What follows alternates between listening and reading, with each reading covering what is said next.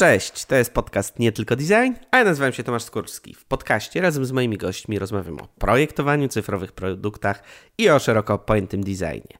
Dzisiaj rozmawiamy o wyborach, a ściślej o projektowaniu kart wyborczych i samym procesie. Z moimi gośćmi Bartkiem Narzelskim i Adamem Gędźwiłem podyskutujemy, jak takie projektowanie wygląda w Polsce. Sporo czasu poświęcimy słynnym wyborom samorządowym z 2014 roku i dyskusji, która z kart do głosowania jest najlepsza i właściwie jak można je poprawić. Co najważniejsze, nie rozmawiamy o polityce, o partiach wyborczych, ale o tym, co można zrobić, aby same wybory i karty wyborcze były lepsze. Notatki do tego odcinka są wyjątkowo rozbudowane, dlatego zachęcam do ich przejrzenia w trakcie rozmowy. Można je zobaczyć pod adresem nie tylko.designu kośnik 024.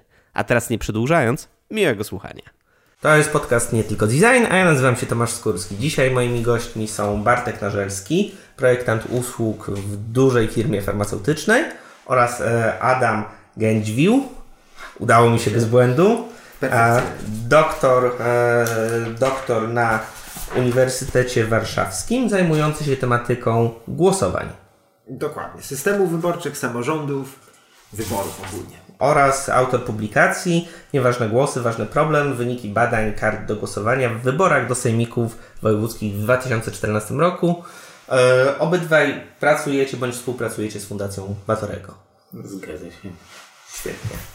Dzień dobry panowie. E, spotkaliśmy się, spotkaliśmy się po to, aby porozmawiać o procesie projektowania kart wyborczych i ogólnie rzecz biorąc o wadach, zaletach i kwestiach, które są związane z kartami wyborczymi. W miarę możliwości postaramy się, mam nadzieję, unikać bieżącej polityki i skupimy się na bardziej fundamentalnym e, problemie faktycznie związanym z kartami do głosowania. Chyba takim najbardziej znanym problemem e, kart do głosowania są wybory z 2000, 2014.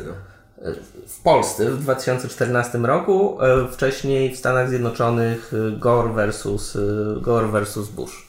Natomiast w, w Polsce faktycznie w 2014 roku pojawił się problem z kartami wyborczymi. Czy moglibyście powiedzieć, co się właściwie stało? Adam, ty, ty byłeś na pierwszej linii y, tego, co się tam działo, więc myślę, że możesz dosyć łatwo i, i dobrze o tym powiedzieć. No rzeczywiście, to, to, to był moment, w którym zaczęliśmy, zauważyliśmy, że y, projekt y, karty do głosowania to nie jest czysto techniczna sprawa. To znaczy, że ona rzeczywiście może mieć daleko idące konsekwencje. I to się zdarzyło w tych wyborach samorządowych 2014 roku, ale szczególnie zapamiętujemy te wybory ze względu na gigantyczny chaos, jaki towarzyszył ogłoszeniu wyników. I tam się nałożyło na siebie kilka kwestii naraz. E, awaria systemu informatycznego, właściwie trudno powiedzieć awaria, bo właściwie on nigdy poprawnie nie działał, w sensie jakby tam był problem z systemem informatycznym, który nie trawił wyników, które spływały e, i to opóźniało ogłoszenie tych wyników. Dodatkowo jeszcze taka jakby bardzo systematyczna rozbieżność tych wyników, które były powoli ogłaszane z e, exit polem, co oczywiście ludzi skłaniało do takiego przekonania, że no zaraz, ale jak to się dzieje, że ten sondaż do tej pory mówił prawdę, a w pewnym momencie tak bardzo jest rozbieżny z tymi prawdziwymi wynikami. No i wreszcie, jak się potem okazało, e, problem był jeszcze z głosami nieważnymi. I te głosy nieważne, których było, przypomnijmy, prawie 18%, e, gigantyczna, można powiedzieć, partia ludzi, którzy nie oddali swojego głosu w wyborach do sejmików wojewódzkich no ona wzbudziła podejrzenia, tak? I oczywiście od razu padły e, w tej właśnie naj, naj, najgorsze jeszcze, że to właśnie wszystko było hurtem razem, tak? I, to, i, i w tej atmosferze takiego podważenia zaufania do procesu wyborczego padło mnóstwo oskarżeń o to, że te wybory były sfałszowane na masową skalę, że doszło do jakichś gigantycznych nieprawidłowości, że nie wygrali ci, co właściwie powinni wygrać. No i to w ogóle było bardzo destrukcyjne, tak? Można powiedzieć nie tylko dla konkretnej siły politycznej, tylko w ogóle dla nas jako wspólnoty, niezależnie od tego, jakie mamy poglądy. Bo wybory to jest taki mechanizm, który nam pozwala w miarę pokojowo ustalać, kto rządzi i często jest jedynym ostatecznym mechanizmem, do którego się odwołujemy. No i te głosy nieważne e, okazały się niesamowicie ciekawym problemem badawczym e, i w, takim projekcie, który zorganizowała, można powiedzieć, e, Fundacja Batorego, Naczelna Dyrekcja Archiwów Państwowych i właściwie od, zaczęło się też od takich postulatów zgłaszanych przez Klub Jagielloński, zupełnie różne organizacje.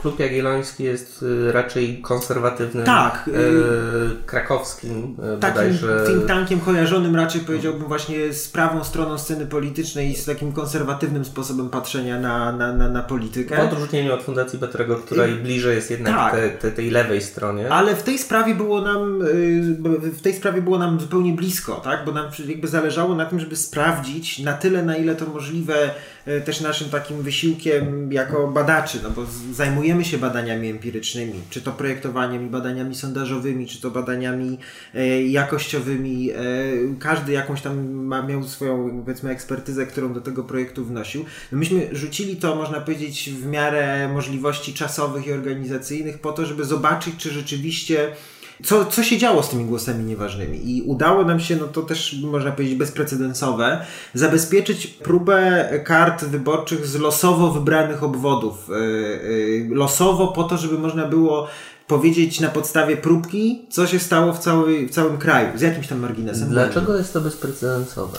Dlatego, że nigdy wcześniej nikt poza sądami rozpatrującymi e, protesty wyborcze nie, ma, nie miał dostępu do kart wyborczych, które były użyte. Mhm. E, one były mm, co najwyżej dowodami w sprawach, wtedy można było otwierać te worki z, z kartami, ale nikt poza tym, na przykład do celów badawczych, nie, nie, nie wykorzystywał ich. Nam się udało przekonać yy, Krajowe Biuro Wyborcze, i Naczelną Dyrekcję Archiwów Państwowych, która no, użyczyła nam powierzchni, zabezpieczyła te materiały u siebie i jak dobrze wszystko pójdzie, to one powiedzmy też są już zarchiwizowane, są dostępne e, dla, dla, dla szerszej publiczności, chociaż z tego co wiem nikt hmm. się nimi potem jakoś nie, nie interesował specjalnie, chociaż jeszcze dużo rzeczy pewnie można z nich wyciągnąć.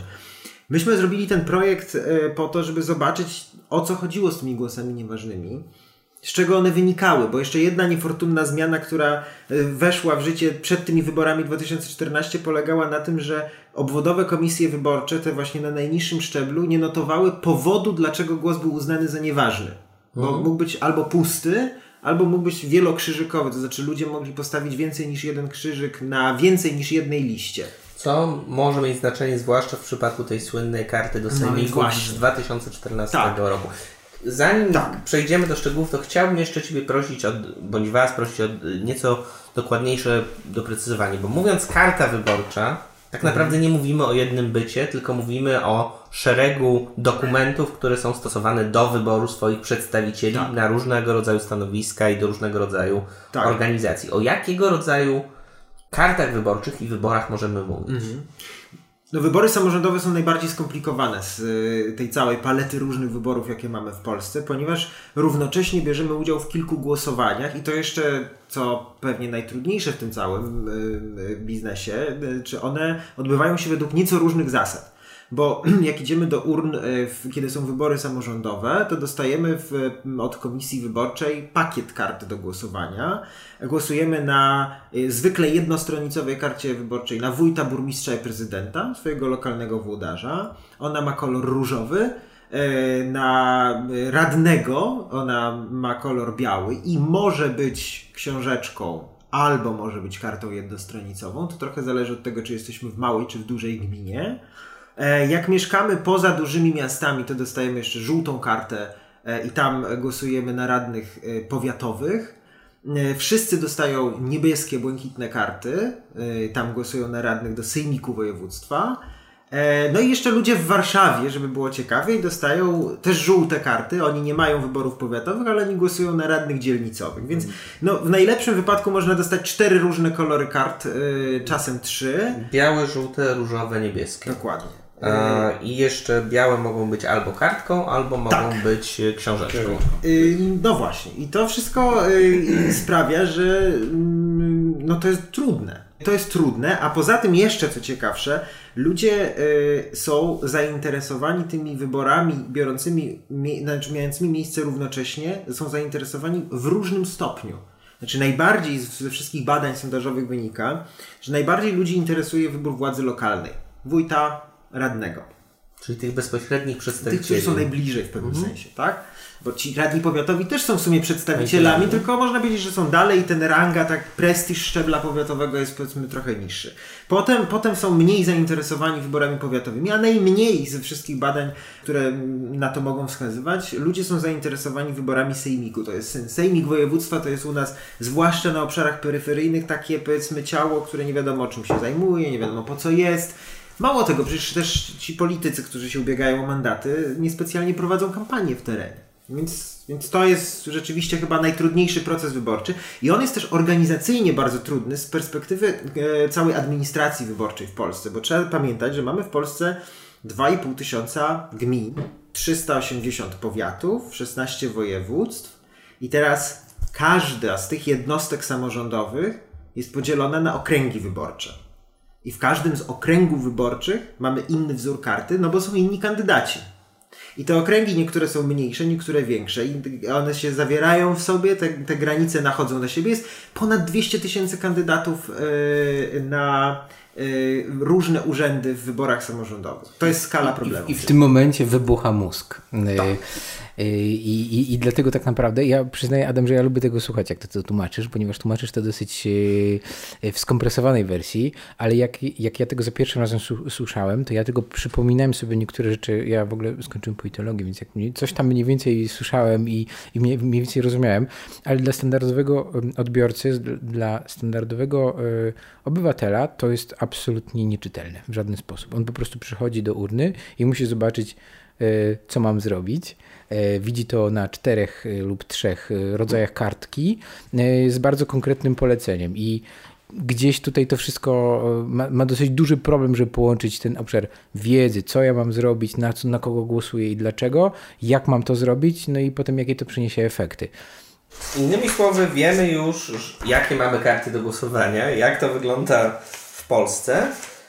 Dobra, chciałbym Was zapytać tak na bardzo wysokim, abstrakcyjnym, trochę korporacyjnym poziomie, czy w Polsce karty do głosowania są zaprojektowane dobrze czy źle? Hmm. Bartosz, ty jesteś hmm. bardziej e, ekspertem od projektu. Ja, ja, ja, mam wrażenie, że one nie są do końca zaprojektowane. Znaczy, że one gdzieś zostały ułożone, jak to zrobić, żeby to mniej więcej spełniało wszystkie wymogi, e, wymogi prawne. E, natomiast to, to nie zostało zaprojektowane w no nie wiem, chyba gdyby patrzeć na proces składania tego, jak to ma wyglądać no i mówić, że to jest projektowanie, no to tak, no, w jakiś sposób to zostało zaprojektowane. Natomiast żeby powiedzieć, że to zostało zaprojektowane tak, żeby ułatwić odbiorcy i głosującemu oddanie głosu, no to nie. To jest, to jest absolutnie nieprzyjemny, niewygodny dokument, yy, który już wcześniej sprawiał problem i to, z czym my się zmierzyliśmy w tym przypadku, to był projekt, y, nowy projekt książeczki wyborczej, kar, książeczki wyborczej tak naprawdę, książeczki... No to się nazywa no właśnie, zbroszurowana karta broszura, do głosowania. Tak, tak, jest, broszury, która składa się z trzech części. Pierwsza część to jest y, instrukcja głosowania, druga część to jest lista właściwie to spis treści tego, jakie komitety są w tej broszurze, a potem każda kartka to jest osobny, osobna jedna e, lista, lista kandydatów. tak.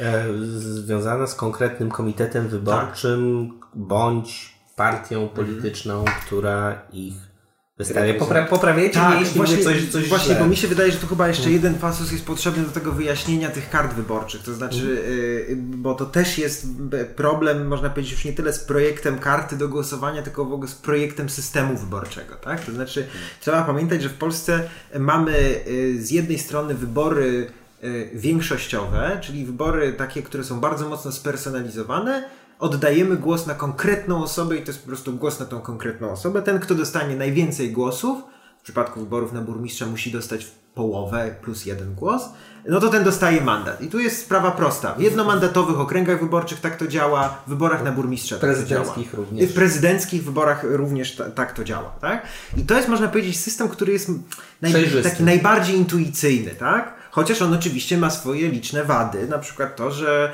można zdobyć na przykład 20% głosów w Jowie, czyli w tym jednomandatowym okręgu wyborczym i zostać radnym, mimo że 80% ludzi głosowało na innych. Ale to jest powiedzmy, y, on jest łatwy w obsłudze z perspektywy takiego głosującego. Ale trzeba pamiętać, że my mamy jeszcze w Polsce ten system proporcjonalny. Który oczywiście ma pewne zalety, ale ma też takie wady, że trudno go zrozumieć. I na czym on polega? E, znaczy, my musimy zagłosować jakby jednocześnie w pakiecie na listę wyborczą i na kandydata. Nie ma możliwości kandydowania w tym systemie bez komitetu wyborczego, czyli jakby z, znikąd. Tak? Musi, musi być lista kandydatów. Ta lista zwykle jest dosyć długa, bo komitetom wyborczym opłaca się wystawiać dosyć długie listy, bo każdy jakieś tam głosy uciuła. Na podstawie tych wszystkich oddanych głosów jakby okazuje się, ile mandatów przysługuje tej liście i dopiero wtedy bierze się pod uwagę głosy oddawane na poszczególnych kandydatów, na poszczególne osoby, które są na tej liście. Natomiast z perspektywy wyborcy wszystko na to wskazuje, że mnóstwo ludzi patrzy na to dalej jak na głosowanie personalne, to znaczy szuka swojego kandydata, głosuje na tego kandydata, znaczy chce go znaleźć na liście. I to jest to napięcie między głosowaniem na listę, a głosowaniem na konkretną osobę, które no, w pojęciu niektórych yy, oddali głos na człowieka z sąsiedztwa, znajomego, znajomego znajomych, prawda? A de facto w pierwszej kolejności ich głos zostanie policzony jako głos na listę. I chodziło też o to, żeby ten projekt karty wyborczej odzwierciedlał trochę to. To znaczy na przykład, żeby na każdej stronie była odrębnie, odrębna lista, tak? Ale żeby ludzie wiedzieli, że muszą zagłosować na konkretną osobę, którą mają do wyboru z tej listy i nie mogą wybrać nikogo innego z innej listy. Nie mogą zagłosować na sąsiada z PSL-u, sąsiada z PiSu, sąsiada z Platformy, wszystkich wybrać tych swoich jakby ludzi, których znają, no bo wtedy ich głos będzie nieważny. Jasne. E, jeszcze, o, jeszcze dwie rzeczy chciałbym zapytać, zanim pójdziemy dalej. Po pierwsze, w jaki sposób zostaje podjęta decyzja, jak ta karta wyborcza ma wyglądać? Mhm.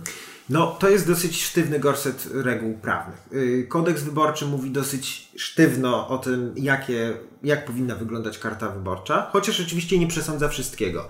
Wszystko powinna przesądzić, powinno przesądzić zarządzenie Państwowej Komisji Wyborczej, która przed każdymi wyborami wydaje taki wzór karty wyborczej, na podstawie której jest sporządzana, e, na podstawie której są sporządzane karty w poszczególnych okręgach. I no można powiedzieć, bardzo dużo jest zdeterminowane e, regułami. Pole manewru tutaj jest, jest e, no, stosunkowo niewielkie. Niewielkie, a no. myśmy w tym procesie, w którym e, żeśmy próbowali zaprojektować alternatywną kartę, jakby lepszą naszym zdaniem, no przyjęliśmy, że nie, nie jest możliwa zmiana prawa, czyli przeprowadzenie tego przez parlament. E, Zwłaszcza w 2018 roku jest dość kłopotliwy. Znaczy nawet jak żeśmy to próbowali robić wcześniej, to też zakładaliśmy, że, że w ogóle ruszanie tego tematu jest, jest problematyczne i że może tylko się obrócić na gorsze, bo w ostatniej chwili ktoś będzie chciał wrzucić jeszcze coś, jakąś zmianę i że to wszystko, jakby ten cały proces po prostu się, się, się wysypie.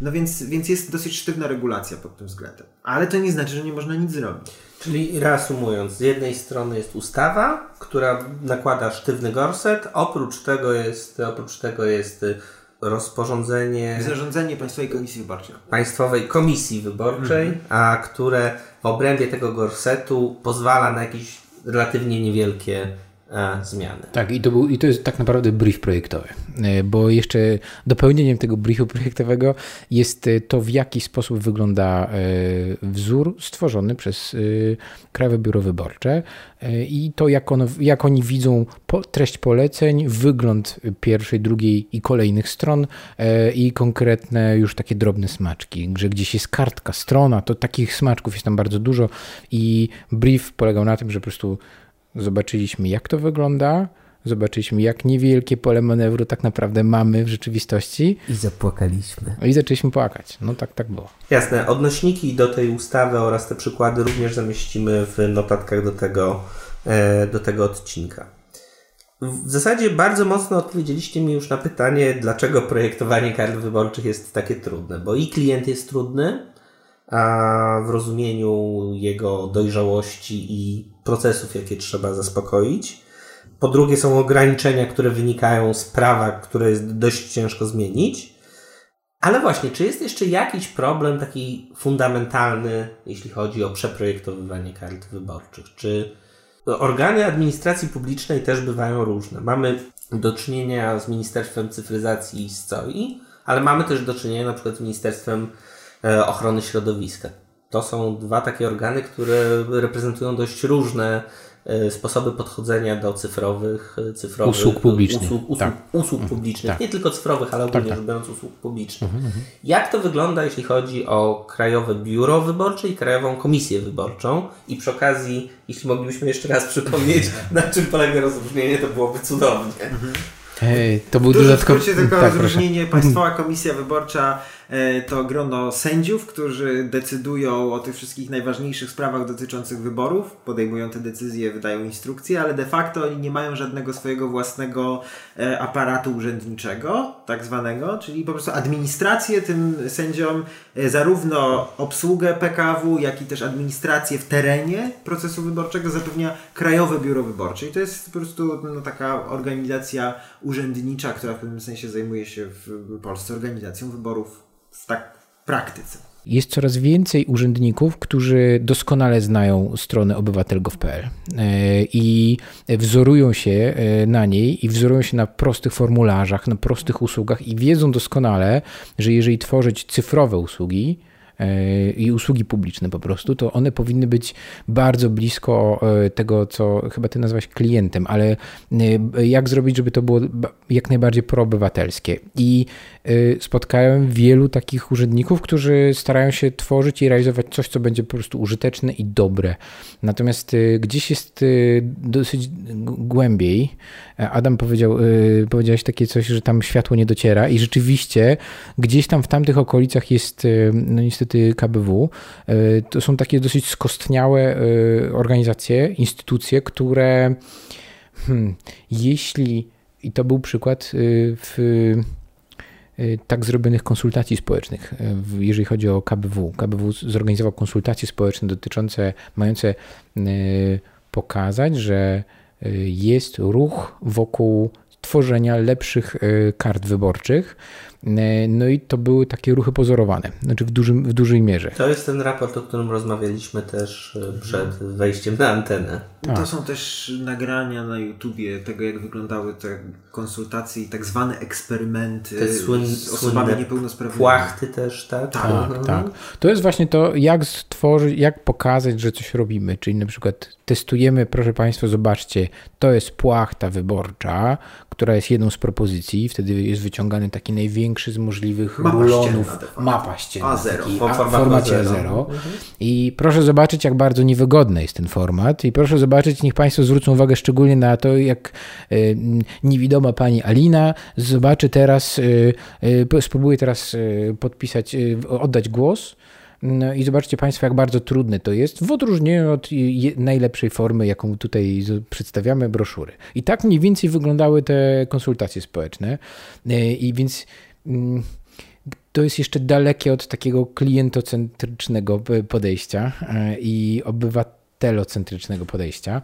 E, chociaż my troszeczkę na tym skorzystaliśmy, na tych, na tych konsultacjach. To znaczy, ponieważ jest to, była to furtka otwarta dla, e, dla wszystkich tak naprawdę, to my skorzystaliśmy z tego w taki sposób, że propozycje, które my wypracowaliśmy, po prostu oddaliśmy e, Krajowemu Biuru, Biuru Wyborczemu w taki sposób, żeby oni mogli skorzystać z naszych rozwiązań w, w dowolnym zakresie.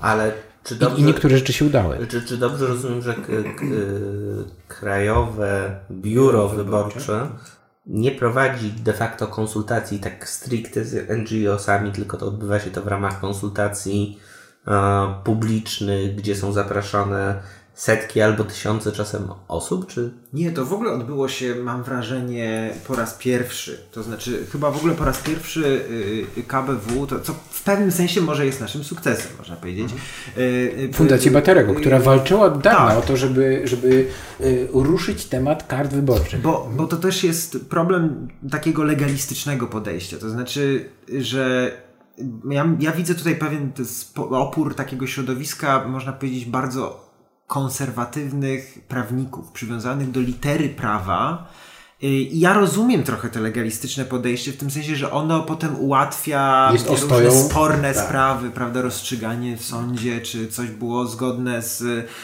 literą, prawda, czy też nie, no bo koniec końców y, to często może się skończyć w sądzie.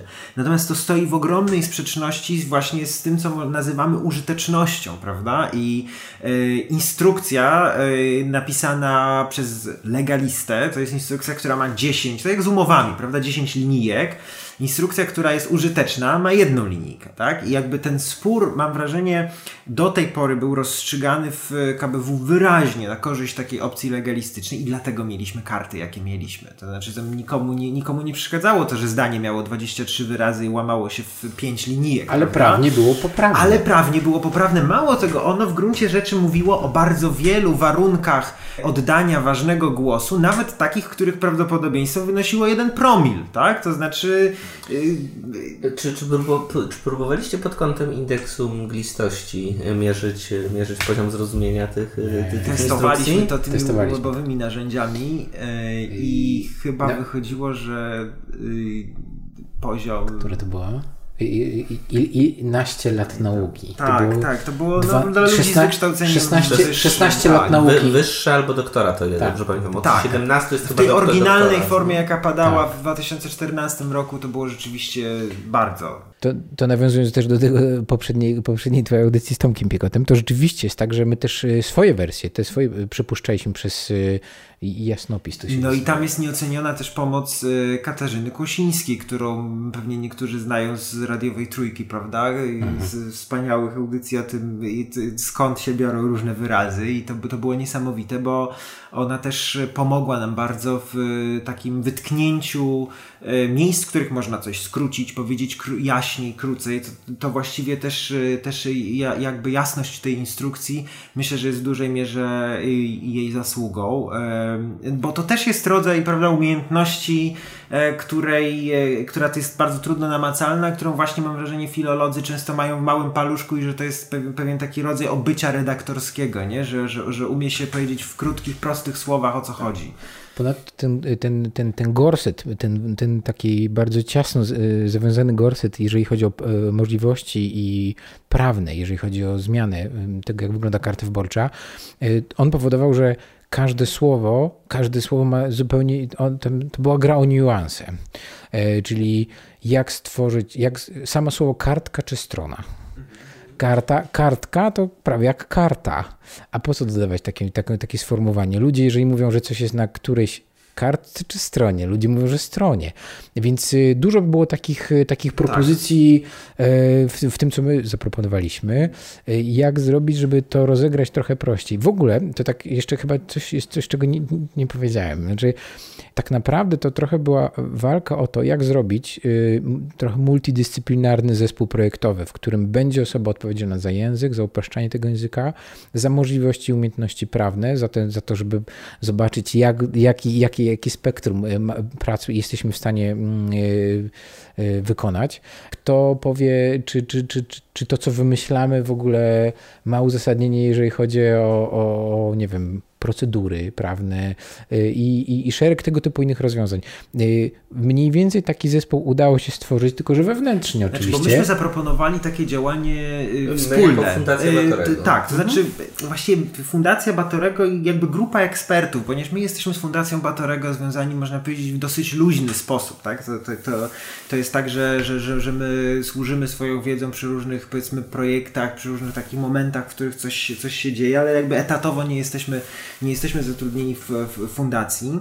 Natomiast oczywiście przy tej okazji y, spotkaliśmy się wspólnie z KBW i zaproponowaliśmy im, jakby, żebyśmy to wspólnie zrobili. To znaczy, że my dostarczymy jakby Wkład, y, w, część ekspertów, którzy pracują na tym, na tym fundacji, mają wystarczającą wiedzę, ekspertyzę i tak dalej. Zapraszamy ich jakby też w tym sensie, żeby oni byli nawet gospodarzami tego procesu i włożyli też coś od siebie e, takiego ważnego, co jest ich doświadczeniem. Przecież to są ludzie, którzy często od 90 roku w Polsce przeprowadzają wybory. Tam prawdopodobnie siedzą w tym urzędzie ludzie, którzy te karty do głosowania, no właśnie nie chcę powiedzieć projektowali, ale robili, tworzyli, e, składali e, od roku tam, prawda, 89 być może nawet. Ich wiedza i jakby tam... Prawda, Mogłaby być nieoceniona. tak, bi nam jej brakowało w każdym razie, ale mm, KPW dosyć chłodno zareagowało na tę propozycję i ja w teraz z perspektywy czasu też chyba trochę rozumiem, to znaczy, że, że, że wizerunkowo dla instytucji organizującej wybory, współpraca z Fundacją Batorego, która wiadomo za czyje pieniądze e, działa, przynajmniej oczywiście... W sensie węgierskie, tak? E, tak, No no tak, w sensie no oczywiście taki jest powszechny, powszechny wizerunek e, powiedzmy w niektórych kręgach te, te, te, tego, co robi, to, co robi fundacja, że być może to był, że być może to był powód, dlaczego nam tą, tą czarną polewkę podano, ale myśmy się no, w pewnym sensie nie zrazili, to znaczy PKW zaczęła i KBW zaczęli robić jakby swoją procedurę konsultacji. Myśmy się poczuli w pewnym sensie zaproszeni, powiedzieliśmy, no dobrze, no w takim razie my zrobimy zespół i, i w- własnym sumptem spróbujemy położyć na stole projekt karty. I, Jako i jedną z propozycji I, dokładnie prowadzi mnie Tak. to do kolejnego pytania. Y, W ogóle ty, jesteście cudownymi gośćmi, bo w zasadzie nawet nie muszę zadawać kolejnych pytań, bo przechodzimy do kolejnych. Wszystko y, zaplanowaliśmy. y, Bardzo płynnie. A jak wyglądał z Waszej strony proces projektowania kart? No, to ja e, e, z chęcią powiem, jakby wyglądał, ale najpierw powiedział, jak chciałem, żeby wyglądał. E, Idealnie by było tak, gdybyśmy mieli właśnie multidyscyplinarny zespół projektowy. Moim marzeniem było to, żeby do tego zespołu projektowego zaprosić osoby, które naprawdę liczyły głosy własnoręcznie. Każdą kartkę przywróciły tyle razy, ile trzeba, żeby oni też powiedzieli, wypowiedzieli się, co by, im mogło ułatwić potencjalnie, bo widzę tutaj kilka takich obszarów, które można by zaprojektować tak, żeby ułatwić nie tylko oddawanie głosów, ale także ich liczenie. E, I też e, chcieliśmy wprowadzić e, kilka takich osób, które mogą być głosem e, tych, którym głosować jest trudno. Czyli właśnie osoby chociażby niedowidzące, e, osoby, które mają problemy z, z, z, z, takim, być może z trzęsącą się ręką, kiedy trzeba jasno. w- Osoby starsze. tak, dokładnie często. tak, dokładnie tak. I, i, i, to, I to było gdzieś tam Ale też marzenie. myśleliśmy o tak zwanych first time voters, czyli o, o ludziach, którzy po raz pierwszy pójdą do wyborów niebawem, tak? Znaczy właśnie takich Tak, wchodzących czyli- na czyli- rynek czyli tych wyborców. wchodzących na dokładnie, to, to, to dobrze to nazwałeś. Yy, czyli wszystkich świeżaków, którzy, yy, no bo tak by, tak, by, tak by to wyglądało, ale którzy z pełną intencją, świadomie chcieliby podejść do tego, że jestem uczestnikiem naszej demokracji, tego, tego całego życia publicznego. No i to, to, to był plan. A potem się zaczęło jak w każdym typowym projekcie.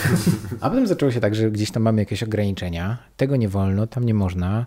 Tutaj w to nie wchodźmy. Tu ustawa. tu ustawa, tu za dużo słów, e, za mało, za mało takich, a to jednak za zbyt rozwadniane. Prawnicy nam to utną tę dyskusję zbyt szybko. No więc summa summarum e, to wyglądało w ten sposób, że po zebraniu wszystkich oczekiwań my mieliśmy ze dwie, trzy iteracje, gdzie e, ja razem z, z Kariną Ogórek, którą serdecznie pozdrawiam, macham właśnie do niej, e, najpierw z Kariną, a potem już kolejne iteracje robiliśmy z dziewczyną, która e, z, z Renią. Renia, Ciebie też pozdrawiam bardzo serdecznie, która jest już specjalistą DTP-u, która pozwoliła Od składu. od składu, od składu druku, dokładnie. Próbowaliśmy w kolejnych iteracjach do, donosić coraz to lepszą wersję karty. No i to było tak, że my projektowaliśmy, przynosiliśmy to na spotkanie z zespołem ekspertów Fundacji Batorego. No i oni mówili, dobrze, tu troszeczkę tak, tu troszeczkę tak, a spróbujmy Tutaj tak. piksel w lewo, tutaj piksel w prawo, Trochę, tak? trochę tak, trochę tak, ale stąd tak naprawdę wzięła nam się koncepcja e, przetestowania, my to nazywaliśmy testów obciążeniowych, jakby stworzenie testów obciążeniowych, czyli testy obciążeniowe, które polegały na tym, żeby, żebyśmy mogli zobaczyć, jak bardzo możemy wypełnić kartę, jaką ilością list wyborczych i jaką ilością kandydatów na tych listach wyborczych, tak żeby to było maksymalne obciążenie, czyli jakby maksymalna ilość, ale przy zachowaniu e, maksymalnej czytelności e, Czyli tej karty. stosując analogię bardziej do cyfrowego świata, staraliście się projektować z uwzględnieniem nie najbardziej optymistycznych warunków, tylko uwzględniając, że nazwiska y, kandydatów, na przykład to może być Jan Chrzęsz, Chrzęszczybyki, Jan Chrzęszcz, O, Ty Brzeszczykiewicz. Kiewicz, Tak. dziękuję. Ale E, ten Jan jest za krótkie, zdecydowanie. Tak. Szczepan, Władysław, Braliśmy, Wiesław. braliśmy Szczepana Władysława, podwójne nazwiska. Na, naprawdę? E, tak, tak, właśnie, Tak, właśnie to na tym polega cała podwójne sztuczka. nazwiska i podwójne imiona robią najwięcej e, kłopotu, można powiedzieć. I, i, to, I to była jedna z tych rzeczy, gdzie staraliśmy się y, wziąć, jeżeli już testować, to najbardziej skrajne wersje, więc braliśmy y, zarówno, y, zarówno najdłuższe nazwiska, najdłuższe możliwe listy, takie jakie się dało i najdłuższe, i co jeszcze testowaliśmy, takich z tych skrajności. Jak dużo kandydatów na liście, jak dużo list na karcie. Znaczy, bo to, co nas interesowało, to chcieliśmy sprawdzić, w jak dużym odsetku okręgów wyborczych w kraju można by zastosować płachty, które nie będą wyglądać jak mapa ścienna, Właśnie- tylko będą poręczne. Jeszcze, jeszcze, jeszcze chciałbym zrobić krótką nawrotkę, bo m- m- wie- my wiemy, czym, czym jest płachta i czym jest książeczka i czym jest broszura, ale gdybyśmy mogli bardzo krótko przypomnieć naszym słuchaczom, czym właściwie te trzy byty się między sobą różnią. Słusznie, Adam, to ja opowiem o, o, o e, karcie płachcie, a ty opowiedz o broszurze. Dobrze, bo dwa byty są. Mm, Są dwa byty. Pierwsza to karta płachta. To jest ta karta, którą można zobaczyć jednym rzutem oka, ile jest kandydatów i ile kart, ile list wyborczych na, mm, w danym głosowaniu. No i de facto bardzo prosta instrukcja obsługi mm, ze wskazaniem mm, w jaki sposób oddać głos e, poprawnie. No i to jest, to jest karta płachta. A broszura, y, czyli książeczka, to jest karta wyborcza, która ma postać takiego zszytego trwale, oczywiście, y, zeszyciku, w którym na nieparzystych stronach jest formacie umieszczona A4. treść. Ten format jest A4 lub ciut większy niż A4, jeśli pojemność tam, prawda, nie wystarcza do umieszczenia wszystkich, wszystkich kandydatów, bo to jest też określone instrukcją. I na tych stronach nieparzystych y, ma być zadrukowana informacja, na stronach parzystych jest pu- pusto. Y, I według kodeksu wyborczego na pierwszej stronie musi być instrukcja, tylko i wyłącznie tytuł tej karty, o co w ogóle, do czego to w ogóle jest karta. Potem na kolejnej stronie ma być spis treści de facto, czyli wykaz list wyborczych, na które można zagłosować, ale nie można tam postawić żadnego, znaczy nie powinno się tam stawiać żadnego krzyżyka, bo przecież nie głosujemy na same listy, bo musimy znaleźć te listy sobie dalej. Mimo, I potem mimo, że jak powiedziałeś, de facto i tak głosujemy na te listy. tak, mimo że głosujemy de facto na tę listę, ale w Polsce nie można oddać głosu tylko na listę bez wskazania kandydata. Po 89 roku. Yy, Chyba wcześniej ty- wydaje mi się, że można było.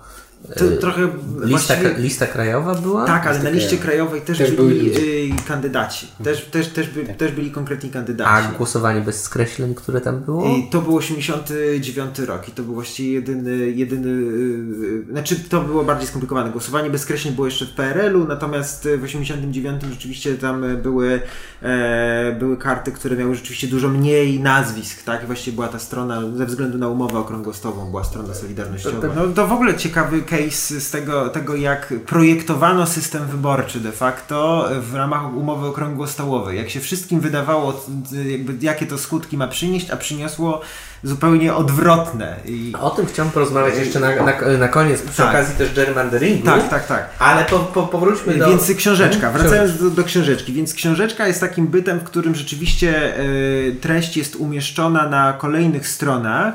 I chyba to, co jest ważne z takiego percepcyjnego punktu widzenia, to jest to, że e, myślenie musi być i to działanie wyborcy musi być hierarchiczne. To znaczy, w pierwszej kolejności musi znaleźć właściwą stronę, na której jest lista wyborcza na którą chce zagłosować, otworzyć sobie na tej stronie, znaleźć kandydata i dopiero wtedy go wskazać e, krzyżykiem, tak? Czyli e, w sytuacji, w której e, postawi krzyżyk na jednej, s- na stronie z jedną listą i krzyżyk na stronie z inną listą, ten głos jest nieważny.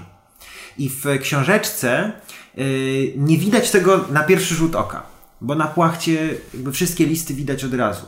A w książeczce jest właśnie ten, ten, ten, ten, ten problem, że można, można powiedzieć, dużo łatwiej postawić głos wielokrzyżykowy. Książeczka ma jeszcze jedną, można powiedzieć, jeden mankament z książeczką jest jeszcze taki, że jakkolwiek ona jest poręczniejsza, żeby ją ze sobą zabrać do kabiny do głosowania yy, i zagłosować w taki sposób tajny, ona pod, pod, wieloma względami, no jakby można powiedzieć, jest bardziej poręczna, ale ona jest kłopotliwa w liczeniu głosów i my to wiemy doskonale, bo ja byłem w tych archiwach państwowych i przerzuciłem tymi rękama mm, tysiące kart do głosowania i wiem, jak wygląda praca też obwodowych komisji wyborczych, które muszą to zrobić w jedną noc. Myśmy to robili dużo dłużej e, i nie w nocy, e, a oni muszą to zrobić w jedną noc, to znaczy muszą znaleźć stronę, na której jest krzyżyk, ale to jeszcze nie, nie jest koniec. Muszą zweryfikować. Muszą sprawdzić, czy to jest jedyny krzyżyk w tej książeczce, więc muszą przejrzeć tą książeczkę do końca.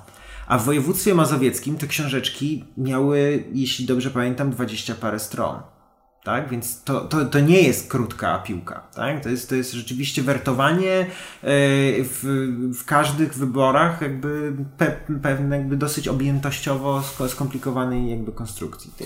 I rozwaga najlepsze, bo my stworzyliśmy ten test obciążeniowy, gdzie chcieliśmy zobaczyć jak najbardziej użyteczna będzie karta płachta versus karta e, e, versus karta książeczka, broszura i, y, no i Adam, y, powiedz, bo ty, bo ty to liczyłeś własnymi rękoma, y, w ilu procentach okręgów wyborczych karta płachta e, by miała zastosowanie. Mhm.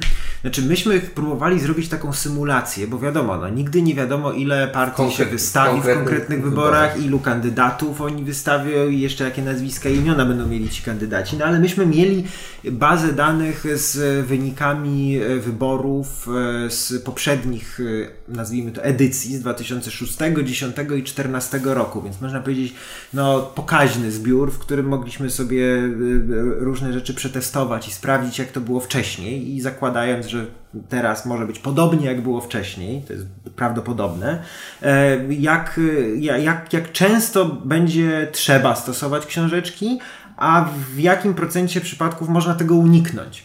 No i oczywiście do tego trzeba, potrzeba dwóch wiadomości. Po pierwsze trzeba wiedzieć, ile, jest, ile list jest w, w okręgu i ile kandydatów maksymalnie jest na każdej z list.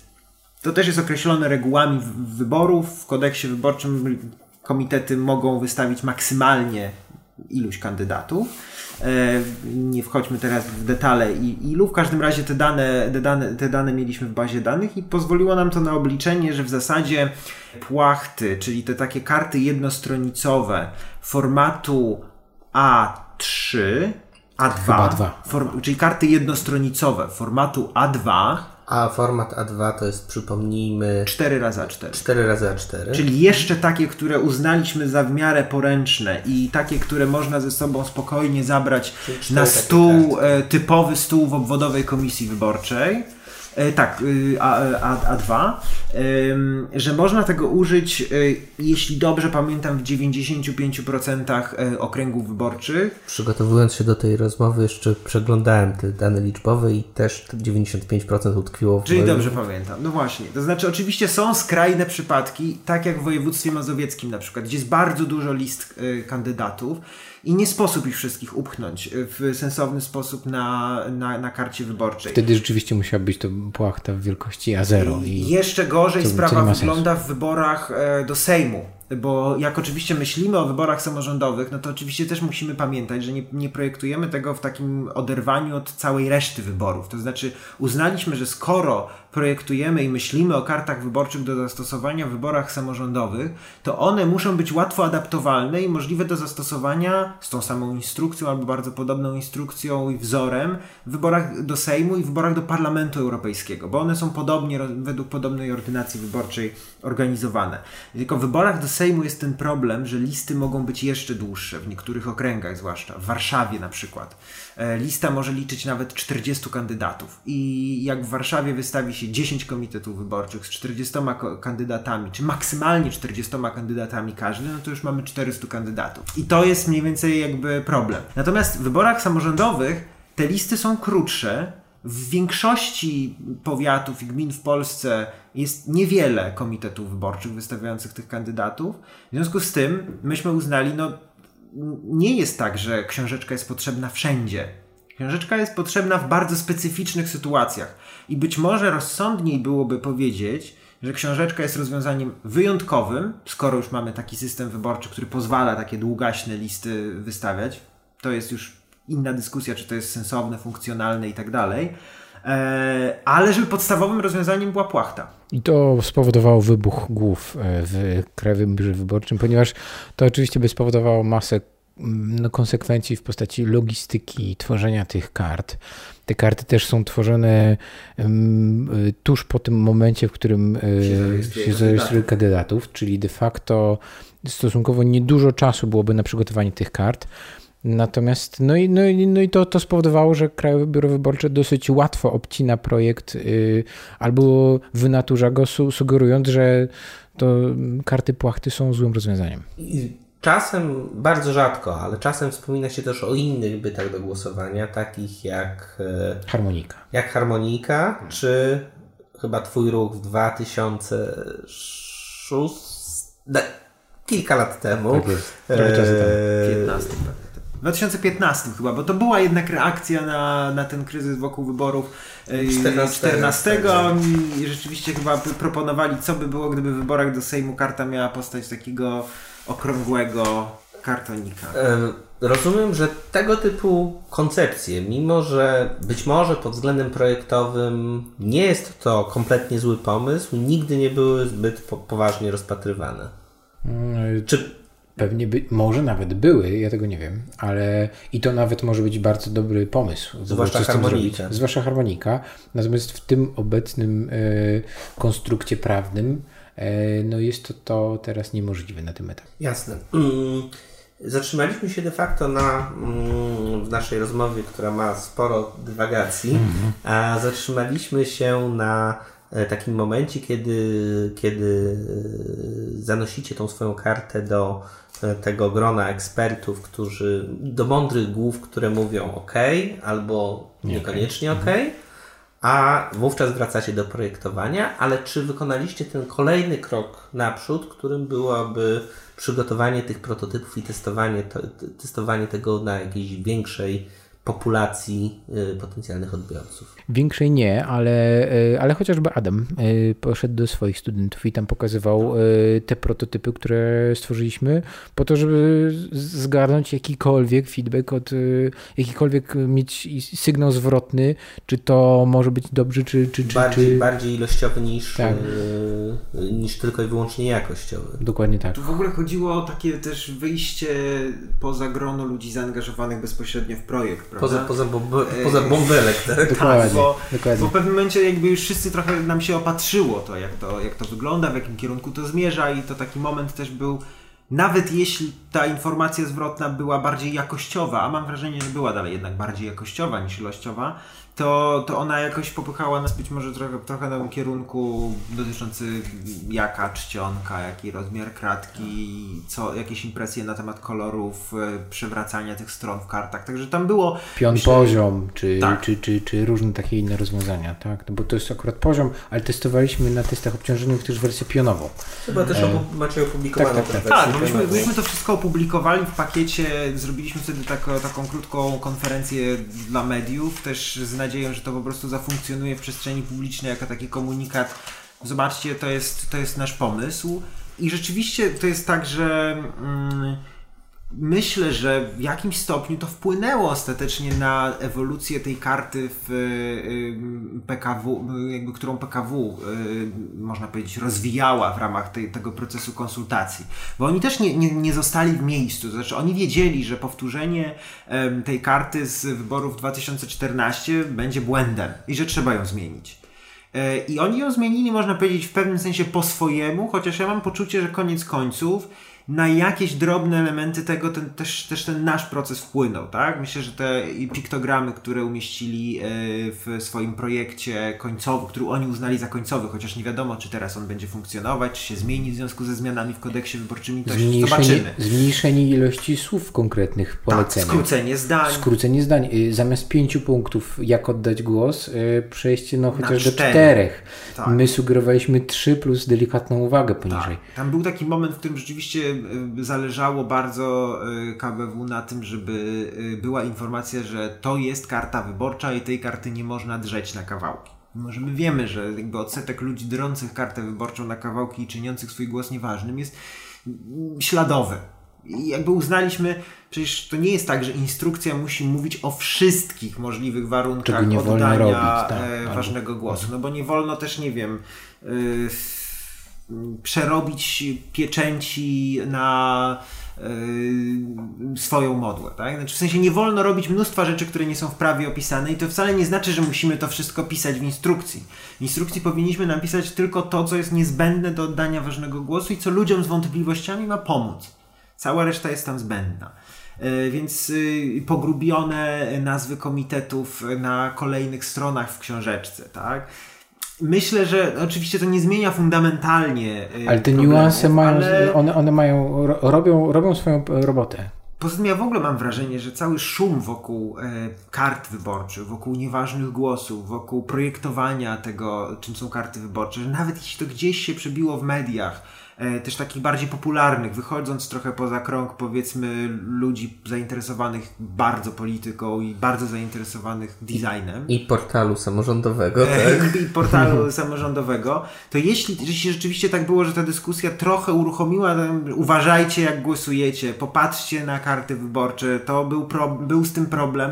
Ja myślę, że to zaprocentuje i e, tak. jakby dalej się spodziewam, że niestety będzie w wyborach samorządowych dużo problemów, dużo być może nieważnych głosów. Natomiast y, mam wrażenie, że katastrofy z tym związanej, takiej jak była w 2014, nie będzie. W sensie, że to już nie będzie ten rząd wielkości, jeśli chodzi o nieważne głosy, tyle będzie tego tak. pewnie o połowę mniej na przykład. Aż tak bym nie był optymistą, mhm. albo powodów tego, że ludzie oddają nieważne głosy, myślę, że nie zlikwidowaliśmy. To dalej może być tak, że, że, że, że, że ludzie nie widzą jakby wartości w tym głosowaniu. Ja, ja tylko I... wrócę do jednej tylko rzeczy, bo ty wspominałeś o takim idealnym procesie, gdzieś tam rozmawialiśmy, jak by to mogło wyglądać. Pokaż mi dom badawczy, który nie chciałby tego badać. Nie, nie widzę takiego domu badawczego. Każdy dom badawczy chciałby przebadać karty wyborcze, które będą miały zastosowanie dla milionów ludzi, będą wydrukowane w milionach egzemplarzy, w dziesiątkach milionów egzemplarzy.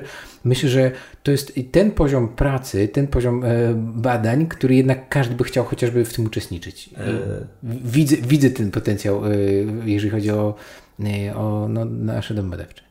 E, słuchaj, mówiłeś też, że faktycznie projektowaliście te karty tak na poziomie już czysto wizualnym.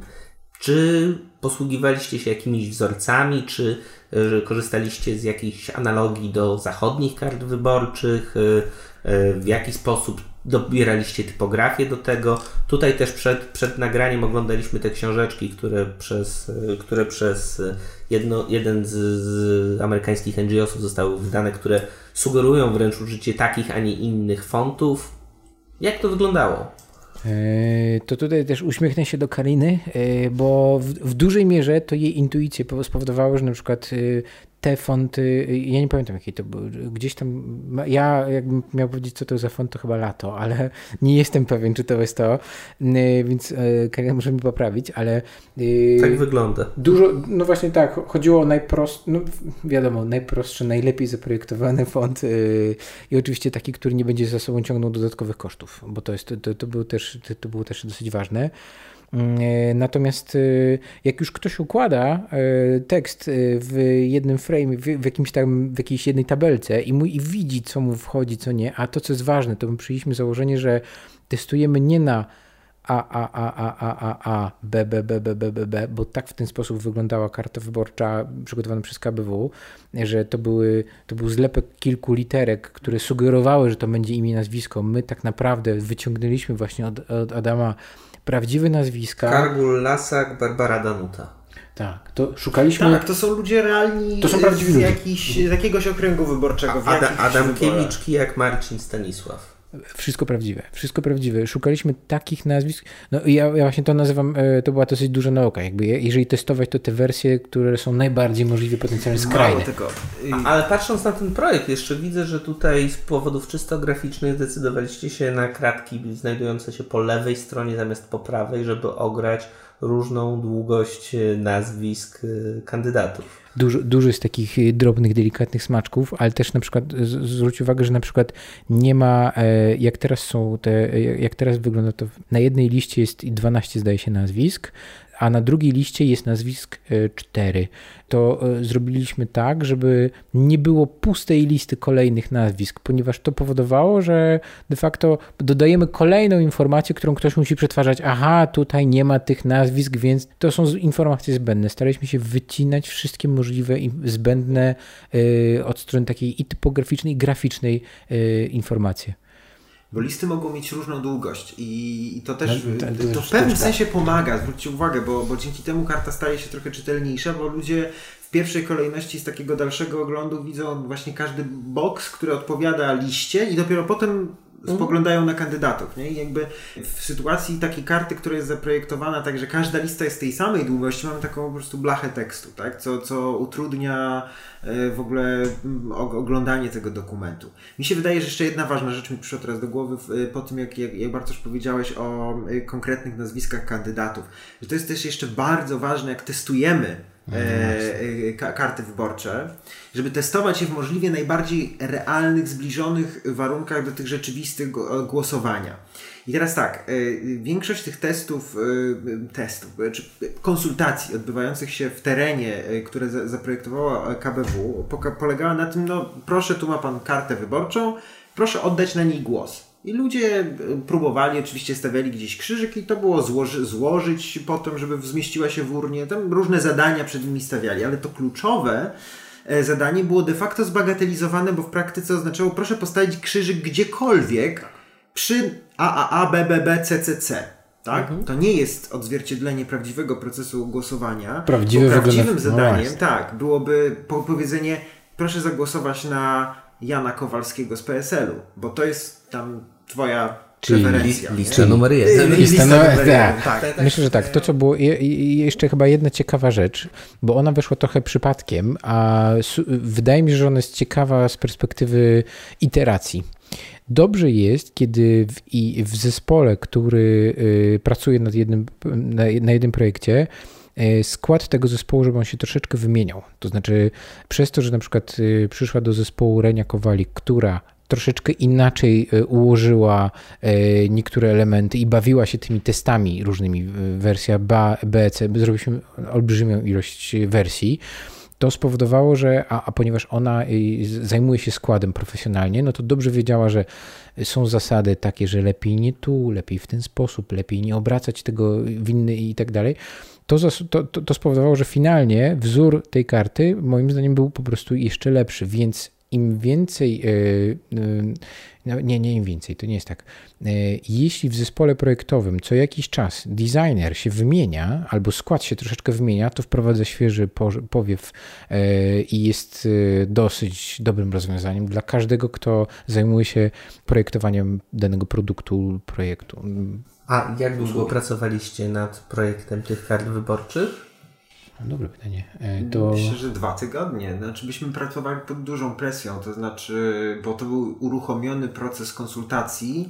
Myśmy wiedzieli, że, że my chcemy możliwie szybko zabrać głos. Bo nie wiedzieliśmy, jak szybko zakończy się etap konsultacji. Tak. To też nie było jasne, tak? bo, bo, bo, bo, bo baliśmy się, że, że właściwie tutaj bardzo szybko będzie, będzie sprawa zamknięta.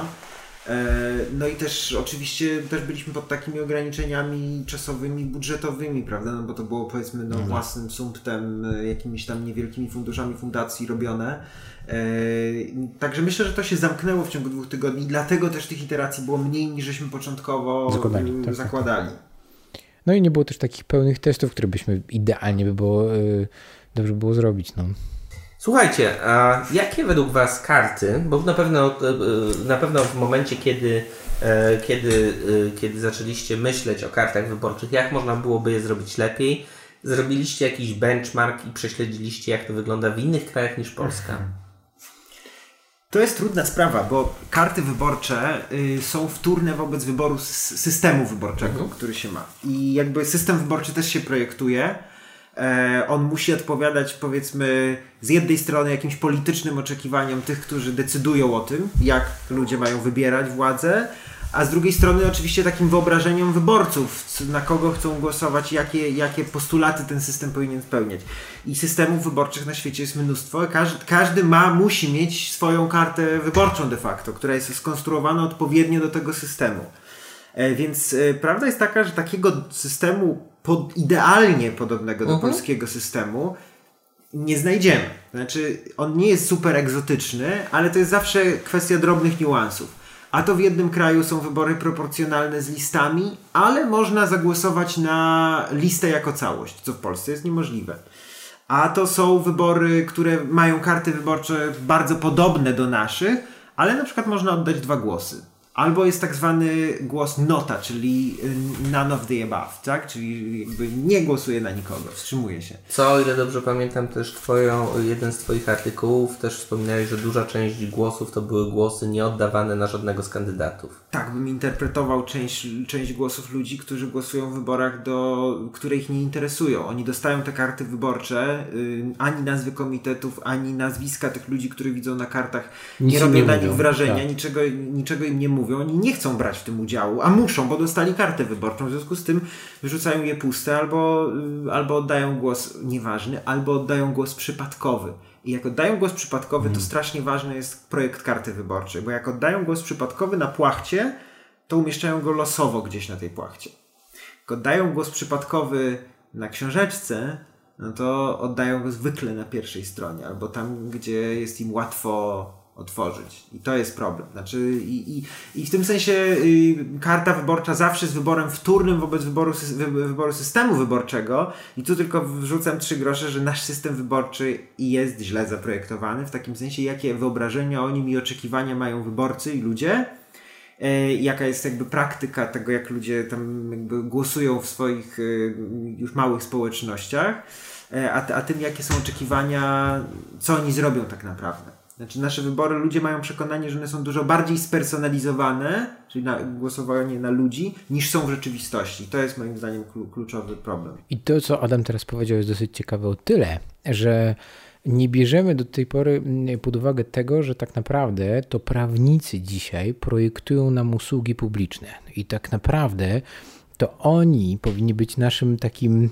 celem, e, jak zrobić, żeby jeśli chcemy stworzyć lepszą usługę publiczną, to tak naprawdę prawnicy muszą być w zespole projektowym. I e, jak teraz rozmawiałem z, i też prowadzimy warsztaty, w jaki sposób projektować usługi publiczne, usługi cyfrowe, to za każdym razem urzędnicy, którzy już naprawdę są świadomi, mają świetny mindset i mówią, wiecie co, no co mamy zrobić, kiedy po prostu ktoś mówi, dostaje zlecenie, polityczne zlecenie, które brzmi, za miesiąc ma być projekt ustawy. No więc ci panowie po prostu pierwsze co robią, no to projektują projekt ustawy i, i wpisują tam masę rzeczy, które potem finalnie yy, przepychane są gdzieś, gdzieś, gdzieś dalej do tych projektantów, do tych urzędników, do osób, które muszą to wykonać. No i rzeczywiście ich pole manewru jest stosunkowo niewielkie. Więc jeśli bym miał powiedzieć, y, jaki z tego wniosek, jeżeli chodzi o, te, o, te, o to, czy, czy karty mają jakieś przełożenie, czy jakby, czy, czy jak my się inspirowaliśmy tym, tak, inspirowaliśmy się, ale nie miały przełożenia na naszą pracę, ponieważ tutaj prawo jest. y, mm, To, to, to prawo wymaga do zmiany i de facto, gdybym miał dzisiaj powiedzieć, co jest dzisiaj kluczową kwestią, y, jeżeli chodzi o projektowanie już usługi publicznej, dosyć, dosyć taki ciekawy flop teraz zrobiłem, ale to to jest właśnie projektowanie usług publicznych razem z prawnikami, y, ustawodawcami, ustawo y, twórcami. Poza, po, poza tym, z No tego, z, tego, z tego co mówicie, to tak naprawdę artefakt o nazwie karta wyborcza jest bardzo wtórny w stosunku do Zapisów. procesu Tak. usługi, a, która jest tworzona i która tak. e, jest zoptymalizowana bądź nie. Czy na przykład y, nie ma dobrego uzasadnienia, y, które byłoby podzielane przez obywateli w Polsce, dlatego żebyśmy mieli na kartach wyborczych tak wielu kandydatów, ilu mamy. To jest y, w pewnym sensie dysfunkcjonalne rozwiązanie. Ono w pewnym sensie jest y, obsługą interesów politycznych, bo w niektórych y, komitetach wyborczych po prostu chodzi o to, żeby można było dużo lokalnych bossów wystawić na liście wyborczej, nawet jeśli oni nie mają szansy zdobycia mandatu. Tylko to jest interes partyjny. Ale właśnie, znaczy, i, ja się zgadzam nawet z tym, mm, jako człowiek badający politykę, że gdzieś musi być powiedzmy kompromis, no bo ostatecznie ktoś musi za tym zagłosować. Znaczy, to nigdy nie jest tak, że obywatele sami sobie karty zaprojektują. Czy ostatecznie musi być tak, że my musimy przekonać przekonać polityków, że to nie naruszy ich interesów w takim stopniu, żeby oni to uwalili od, od, na samym początku, no bo koniec końców oni będą ustawiać, oni ustalają, jakie są reguły wyborów, tak? Ale chodzi też o taką y, próbę pogodzenia, tak? Tych, tych, tych, tych często sprzecznych y, trajektorii. To jest, to jest kłopotliwe. Więc my oczywiście możemy mówić, że są karty wyborcze, które są na pewno bardziej czytelne niż Polska, ze względu na światło, czcionkę, rozmiar krzyżyków i tak dalej zastosowane. Układ, tak. To jest, myślę, warte wzorowania. Y, na przykład niemieckie karty są fajnie zaprojektowane. Y, Niemcy mają system wyborczy w wyborach do Bundestagu, w którym wyborca musi oddać dwa głosy. Jeden na listę kandydatów, drugi na kandydata w okręgu takim, nazwijmy to, jednomandatowym, tak? bo oni mają ten system mieszany. To jest trudne, że trzeba to wyborcy wytłumaczyć. On ma postawić dwa krzyżyki, są dwie odrębne logiki głosowania na jednej karcie wyborczej. Moim zdaniem projekt niemieckiej karty wychodzi z tego bardzo, bardzo fajnie. To jest y, bardzo jasne od samego początku, jak, y, jak należy oddać ten głos i że się ma dwa głosy de facto. Chyba fińska też y, ta karta. Duńska. Duńska, duńska, duńska. Ta, ta, na tak, której tak, tak. pracowali, to była duńska, ponieważ Duńczycy też mają system proporcjonalny tak, z tak. nazwiskami. I tam na przykład ważne, co wzięliśmy w pewnym sensie od, jakby wiedzieliśmy, że to ważne, ale myślę, że to nam bardziej uświadomiło ten projekt duńskiej karty, jak ważne jest umieszczenie większą i bardziej pogrubioną czcionką nazwy komitetu, bo to wyraźnie dzieli y, kartę na segmenty i pozwala znaleźć jakby właściwą, właściwą listę. U nas na przykład w tych kartach w 2014 roku i wcześniejszych czcionka, jaką jest napisana nazwa komitetu, jest identyczna z czcionką, jaką są napisani kandydaci. Ona ginie w tłumie, prawda? Mhm. Y, detale. Przy, przy, przykłady tych kart umieścimy też w notatkach do tego odcinka, żeby łatwiej było też się zorientować, Jasne. o czym tak naprawdę teraz, tak. Teraz rozmawiamy. Wydaje mi się, że amerykańskie e, karty wyborcze w niektórych głosowaniach są fatalne.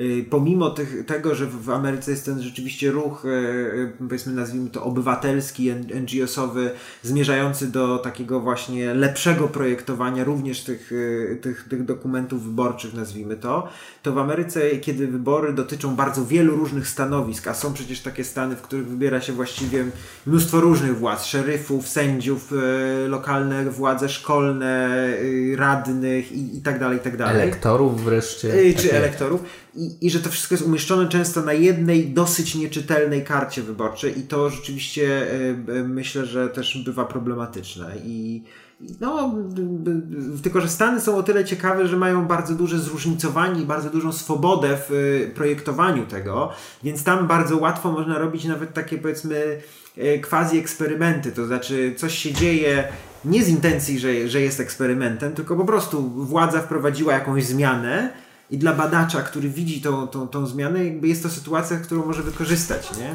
I to jest w ogóle tak, no, jakby sytuacja idealna, bo, bo, bo dzięki temu można zobaczyć efekty zmian.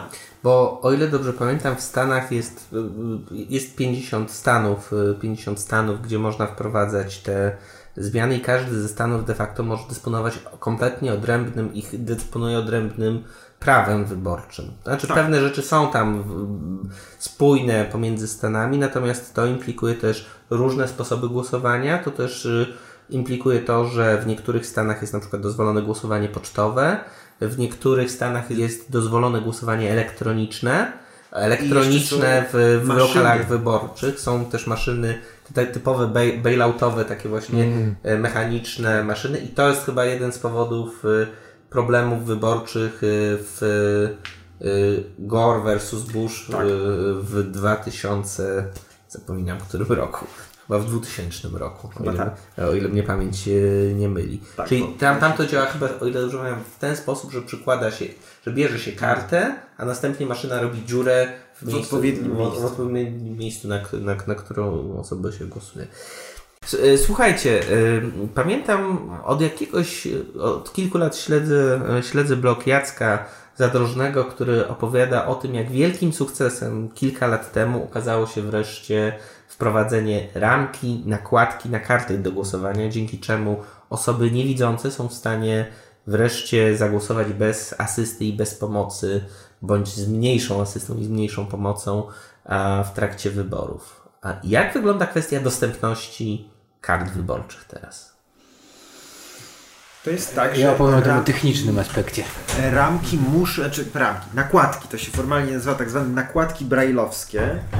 One pomagają oddać głos y, osobom, y, które y, zechcą tego użyć i powinny być na wyposażeniu każdej obwodowej komisji wyborczej tak dopasowane, żeby formatem pasować z kartą do głosowania.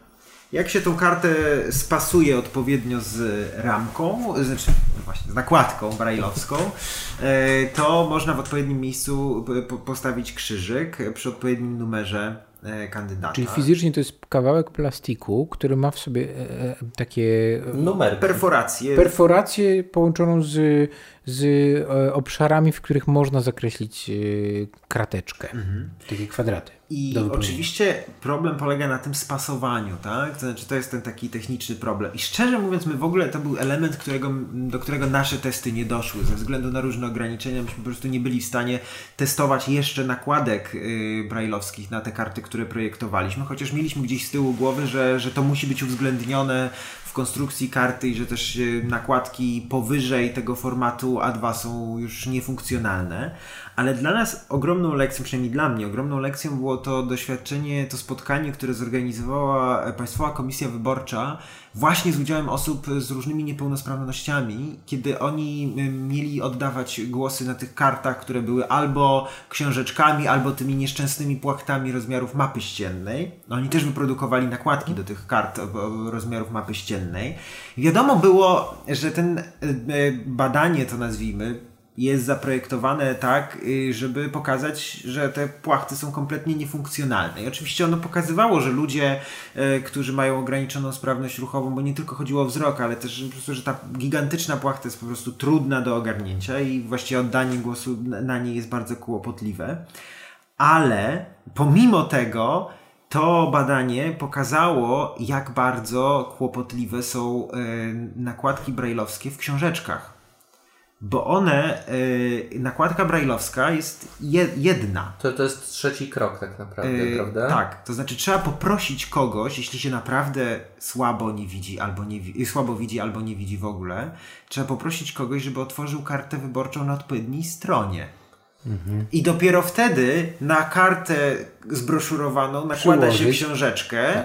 I dopiero wtedy tajne jest de facto tylko to, którego kandydata z tej listy się wybierze A nie jaką listę. a nie jaką listę. I to było dla mnie, no, wiem, że proste, ale to było dla mnie w pewnym sensie olśnienie, bo ja zawsze sobie wyobrażałem, że te nakładki rzeczywiście pozwalają ludziom y, oddawać zupełnie w sposób tajny głos. Okazuje się, że tylko pod pewnym warunkiem, tylko, tylko wtedy, kiedy karta jest pojedyncza. Ale też e, chyba każdy potrafi to, mo, może wpisać to w Google, w Google i wejść w obrazy i tam są takie zdjęcia, które pokazują jak bardzo te nakładki przylegają i są spójne z, z kartami. To, no, to niestety są czasem przesunięcia na poziomie centymetra w lewo, w prawo. To wszystko pokazuje, że no jest to bardzo trudne, żeby, żeby potem e, osoba, która zlicza ten głos powiedziała, ok, to chodziło o zagłosowanie na tą konkretną osobę. Ale tak czy inaczej, to i tak jest duży krok naprzód w porównaniu do tego, y, do przeszłości, kiedy w ogóle nie było e, w ogóle nie było możliwości oddania w inny sposób przez osoby niewidzące na przykład głosów. Mm, Tak, no absolutnie.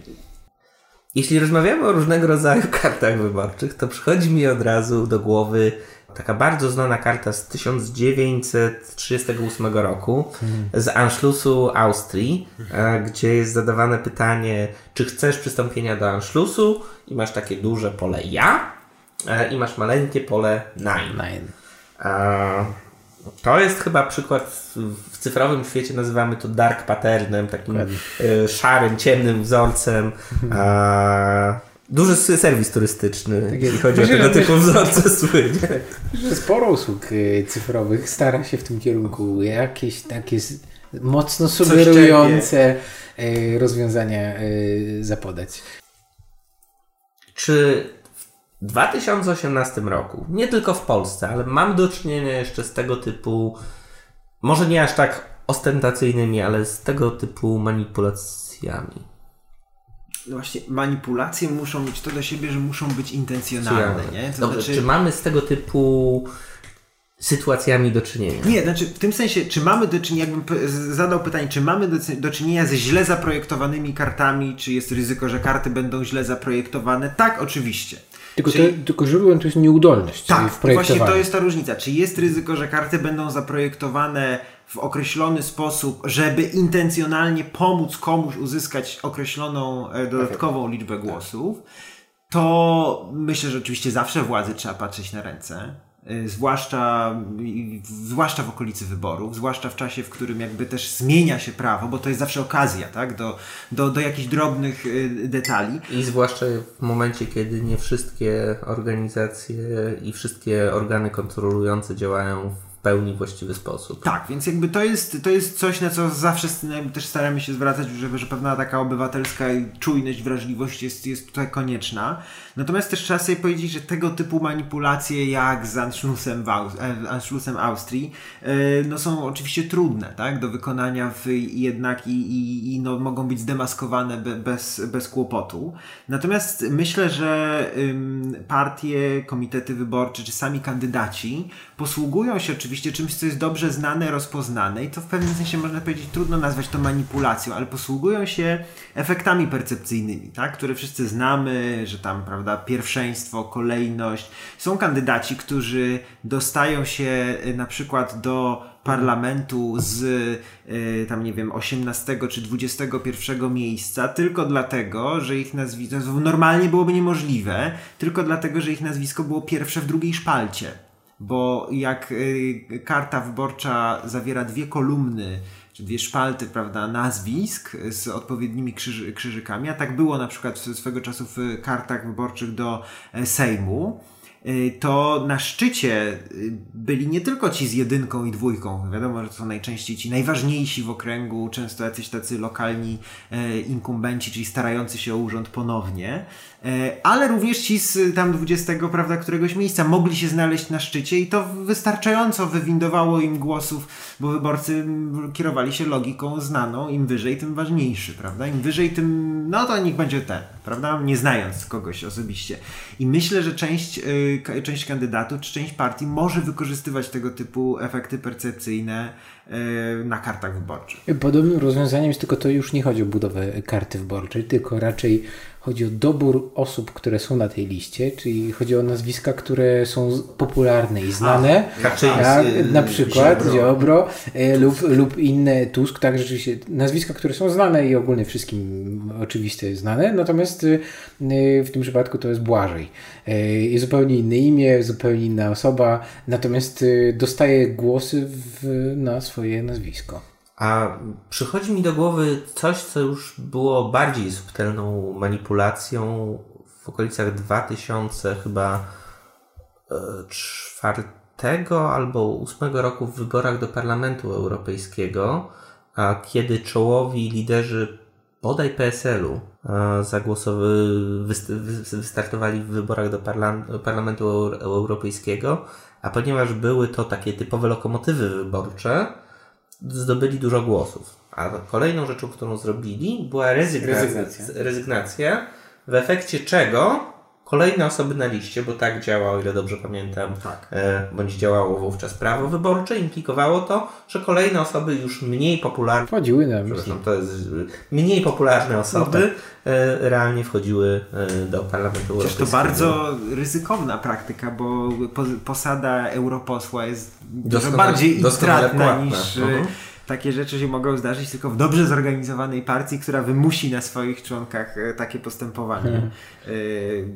Tak, ale, ale to się zdarza dalej. To znaczy w wyborach samorządowych to widać na przykład, kiedy E, w wyborach do rady, gminy albo powiatu e, startują kandydaci na wójta i burmistrza, tak? To znaczy ci, którzy e, startują, można powiedzieć, o, ubezpieczają się na wypadek, gdyby przegrali, ale może być też tak, że startują właśnie po to, żeby pociągnąć trochę listę. Znaczy są w miarę pewni swojego zwycięstwa w wyborach burmistrza, ale mają bardzo rozpoznawalne i przyciągające nazwisko i ciągną w ten sposób listę.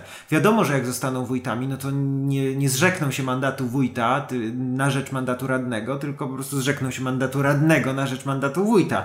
I wtedy rzeczywiście e, ciągną, ciągną kogoś. Tak. y, kogoś pociągają ze swojej, ze swojej listy.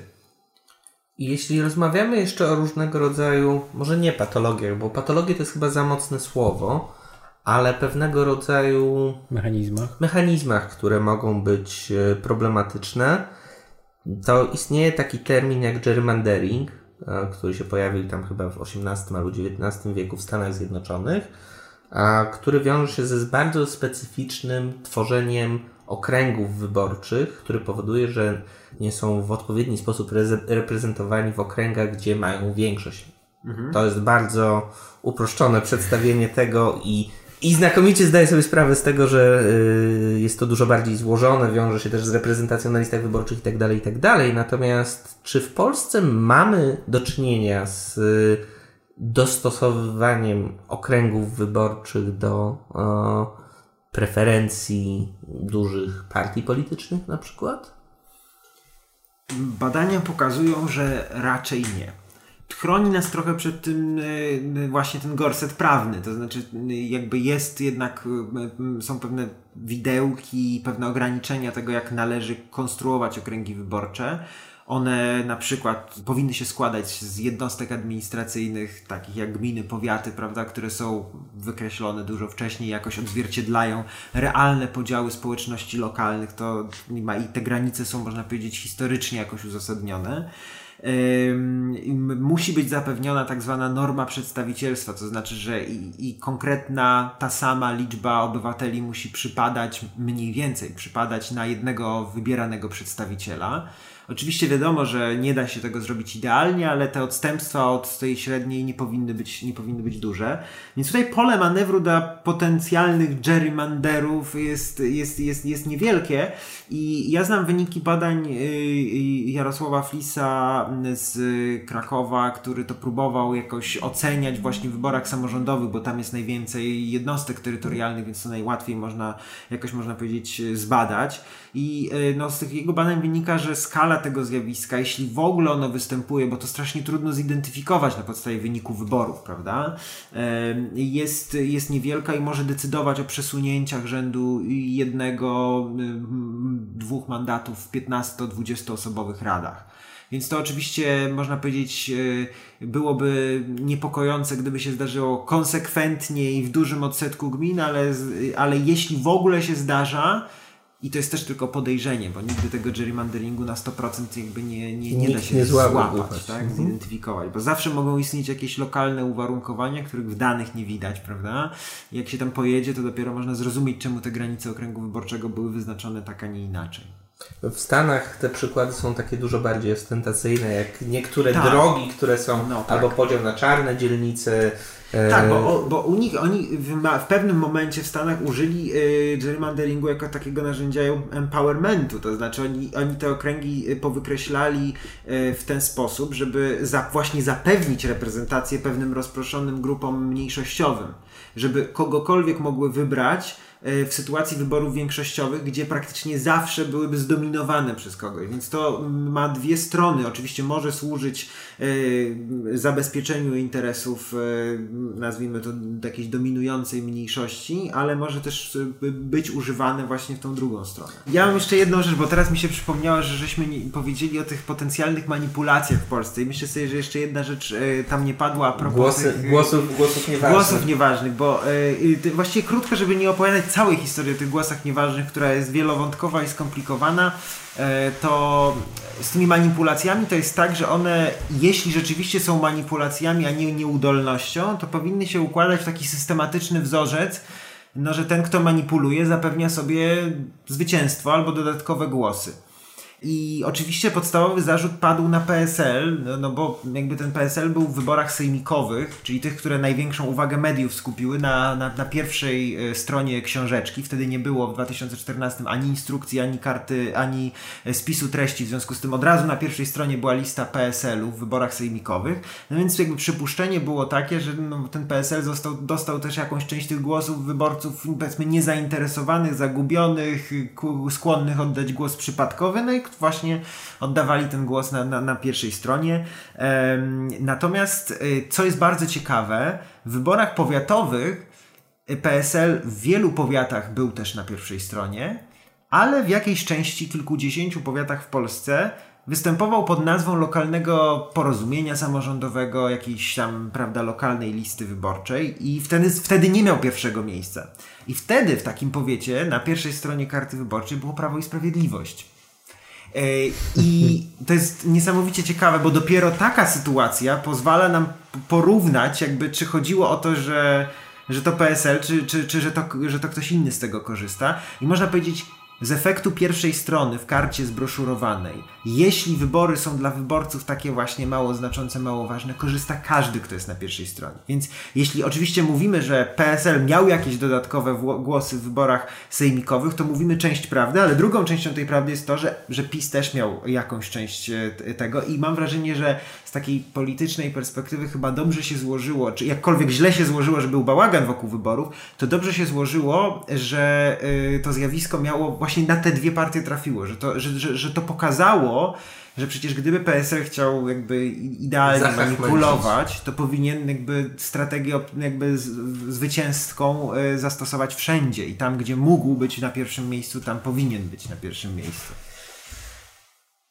Jak jeszcze rozmawialiśmy o tym w trakcie przerwy, a y, przypomniała nam się jeszcze jedna akcja, jedna akcja związana z jakąś manipulacją, ale na troszeczkę innym poziomie. To było referendum z 1947 roku. Trzy razy tak, kiedy komuniści, mhm. kiedy komuniści bardzo kierowali się chyba też do troszeczkę innej grupy wyborców, bo to były dość duże, e, dość duże wybory, powszechne de facto związane, powszechne jeśli chodzi o popularność mhm. i kiedy komuniści, abstrahując od tego, że sfałszowali te, tak. te, wybory, mhm. mieli bardzo prosty komunikat, prawda? Trzy razy tak. No tak, znaczy w ogóle pytania referendalne to jest jeszcze inna para. Y, y, jak projektować pytania referendalne? Myślę, że to jest też y, lekcja, którą Bronisław Komorowski przerobił bo, bo to też jest sztuka, tak? To znaczy, możemy oczywiście odwoływać się do tych historycznych przykładów, gdzie chwytliwe hasło wypisywane na murach y, tak naprawdę oznacza instalację reżimu.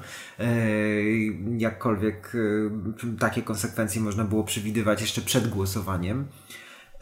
No, ale to widać wyraźnie, że referendum to jest instytucja, która potrzebuje mm, najpierw pewnego przegadania spraw, położenia na stole konkretnej propozycji, że te pytania referendalne, no teraz stoimy trochę u progu, nie wiadomo co prezydent Duda zrobi, z pomysłem swoim, autorskim, jak się okazuje pewnie, mm, zrobienia referendum konstytucyjnego, kiedy właściwie jeszcze nie wiemy, co mamy zmieniać. I, i, i trzeba pomyśleć, tak, jak zaprojektować pytania, żeby one były atrakcyjne dla ludzi, żeby nie poszło 8% wyborców do urn, żeby ono coś znaczyło rzeczywiście, żeby to było wystarczająco konkretne, żeby głos na tak było wiadomo, jak interpretować, głos na nie, żeby było wiadomo, jak interpretować. I myślę, że to w ogóle jest, y, no tak, to jest też sztuka zadawania pytań, nie? Czy ćwiczymy ją czasem, jak projektujemy sondaże, na socjologii uczą tego studentów, y, żeby zadawać dobre pytania ludziom, bo ci ludzie to często są bardzo różni ludzie, nie zawsze ci, jakich spotykamy na co dzień. No trochę tak samo jest z referendami. E, słuchaj, też y, na tyle, na ile się orientuję, to często się pojawiają problemy z samym też odpowiednim zakrzyżykowaniem pola wyborczego.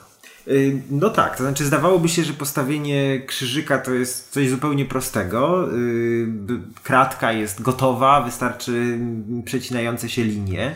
Chociaż teraz ostatnio zmieniono definicję e, znaku X, tego krzyżyka, który trzeba postawić i teraz to mają być co najmniej dwie przecinające się linie, co znaczy, że de facto kratka może być jakoś mocno tam za zamazana i zawsze można powiedzieć, że to, jest, to są liczne przecina, przecinające się linie, ale e, rzeczywiście jak przegląda się karty wyborcze, a myśmy to robili w tym projekcie badawczym, o którym y, mówiłem y, wcześniej, y, to, to widać różne rodzaje błędów. widać na przykład dopiski na kartach, I... Było coś o oszustach i złodziejach? Nie, znaczy tak, było, było, były, było. były epitety liczne przy, przypisywane poszczególnym listom czy poszczególnym kandydatom, ale co mnie uderzyło na przykład, to było dużo mniej spektakularne, bo to nie był ani wulgarny rysunek, ani, ani dopisek, yy, tylko to było, to było takie stwierdzenie odręcznym pismem z podpisem, oddaję ten głos na tę listę i na tego kandydata, tam podany numer, każdy inny głos będzie próbą fałszerstwa mojego głosu i podpis. E, oczywiście w, świetle prawa ta karta była ważna, ona została policzona jako, jako, jako ważny głos oddany na tę osobę, ale to, moim, to też mi pokazało, jak, jaka była nieufność tej osoby y, oddającej głos wobec tego procesu liczenia głosów, tak? że, że, że zdecydowała się na, do, dopisać coś takiego.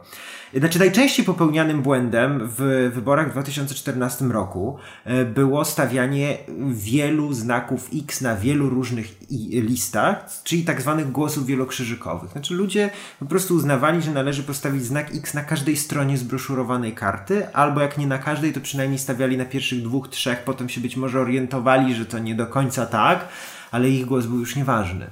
E, I to nas przekonało nie tyle do wniosku takiego bardzo, powiedziałbym, prostackiego, że ludzie w ogóle nie wiedzą, co robią i pewnie to dobrze, że ich głosy są nieważne, tylko do tego, że ta karta trochę skłaniała do takiego no, nieprzemyślanego postępowania i ludzie, którzy rzeczywiście e, są nisko zmotywowani, żeby, żeby wziąć udział w wyborach, e, szli za ciosem, zaznaczali te krzyżyki pracowicie i to był podstawowy problem. Myśmy pokazali w tym badaniu, że za gigantyczny przyrost e, odsetka głosów nieważnych w wyborach samorządowych w 2014 roku odpowiadał właśnie przyrost głosów wielokrzyżykowych.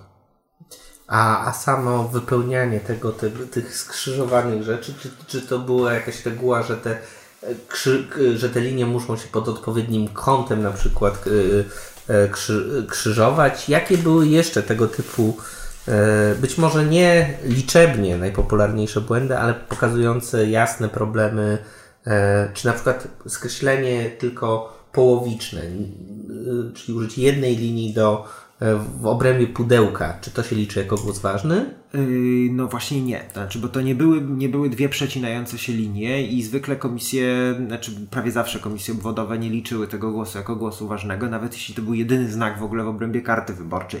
Mało tego, tak naprawdę znak V, czyli tak zwany ptaszek postawiony w, e, na karcie wyborczej też nie był liczony jako głos. E, w zasadzie nie były to dwie krzyżujące się linie e, i, i podobnie było z, głos, z głosami, które były poza kratką. Było też tak, że na przykład ludzie ewidentnie chcieli na kogoś zagłosować, postawili krzyżyk, a jednocześnie chcieli koniecznie zrobić jakiś dopisek na karcie, który zwykle dopiski nie powodują nieważności głosu, jeśli są umieszczone poza kratką. I niestety na przykład ktoś zdecydował się umieścić podpis, dopisek, tak że on zachodził na kratkę przy innej liście, no i w ten sposób unieważniali swój głos. No i oczywiście komisje zwykle, jeśli miały literalnie stosować prawo, na, a powinny, no to oczywiście uznawały ten głos za, za głos nieważny. Więc często było widać takie, często to przesada, to są pojedyncze przypadki, bo generalnie e, jakby takich sytuacji, kiedy ktoś ewidentnie chciał oddać głos na konkretnego kandydata, a zrobił coś zupełnie innego, było bardzo mało. Też moim faworytem są, były te osoby, które chciały oddać głos nieważny, a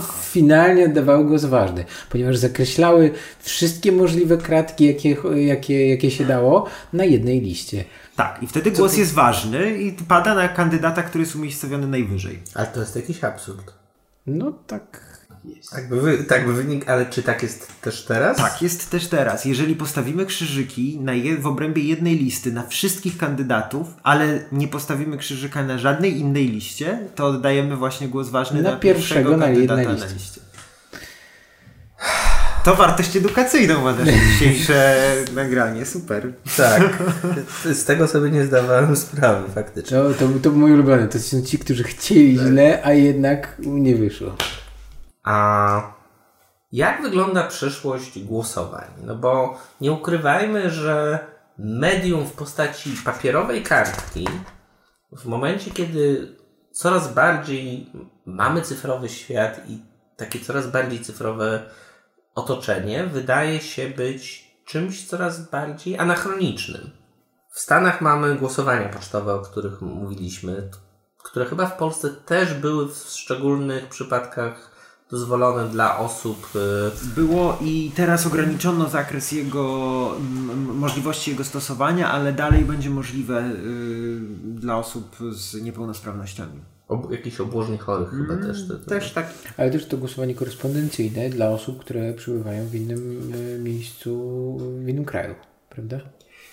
to zależy od typu wyborów. To jest teraz dużo bardziej ograniczone w tym nowym kodeksie, a w wyborach samorządowych w ogóle ludzie mieszkający za granicą nie mogą uczestniczyć. Natomiast y, śledząc też jak to wygląda za granicą, udało mi się wyodrębnić dwa inne jeszcze byty, które istnieją. Czyli je, z jednej strony mamy elektroniczne, zdalne głosowania, czyli możliwość zagłosowania przez internet, a drugi taki byt to głosowanie przy użyciu własnych elektronicznych przedmiotów, czyli że głosujemy de facto przy użyciu swojego telefonu komórkowego, przy użyciu też jakichś innych technologii.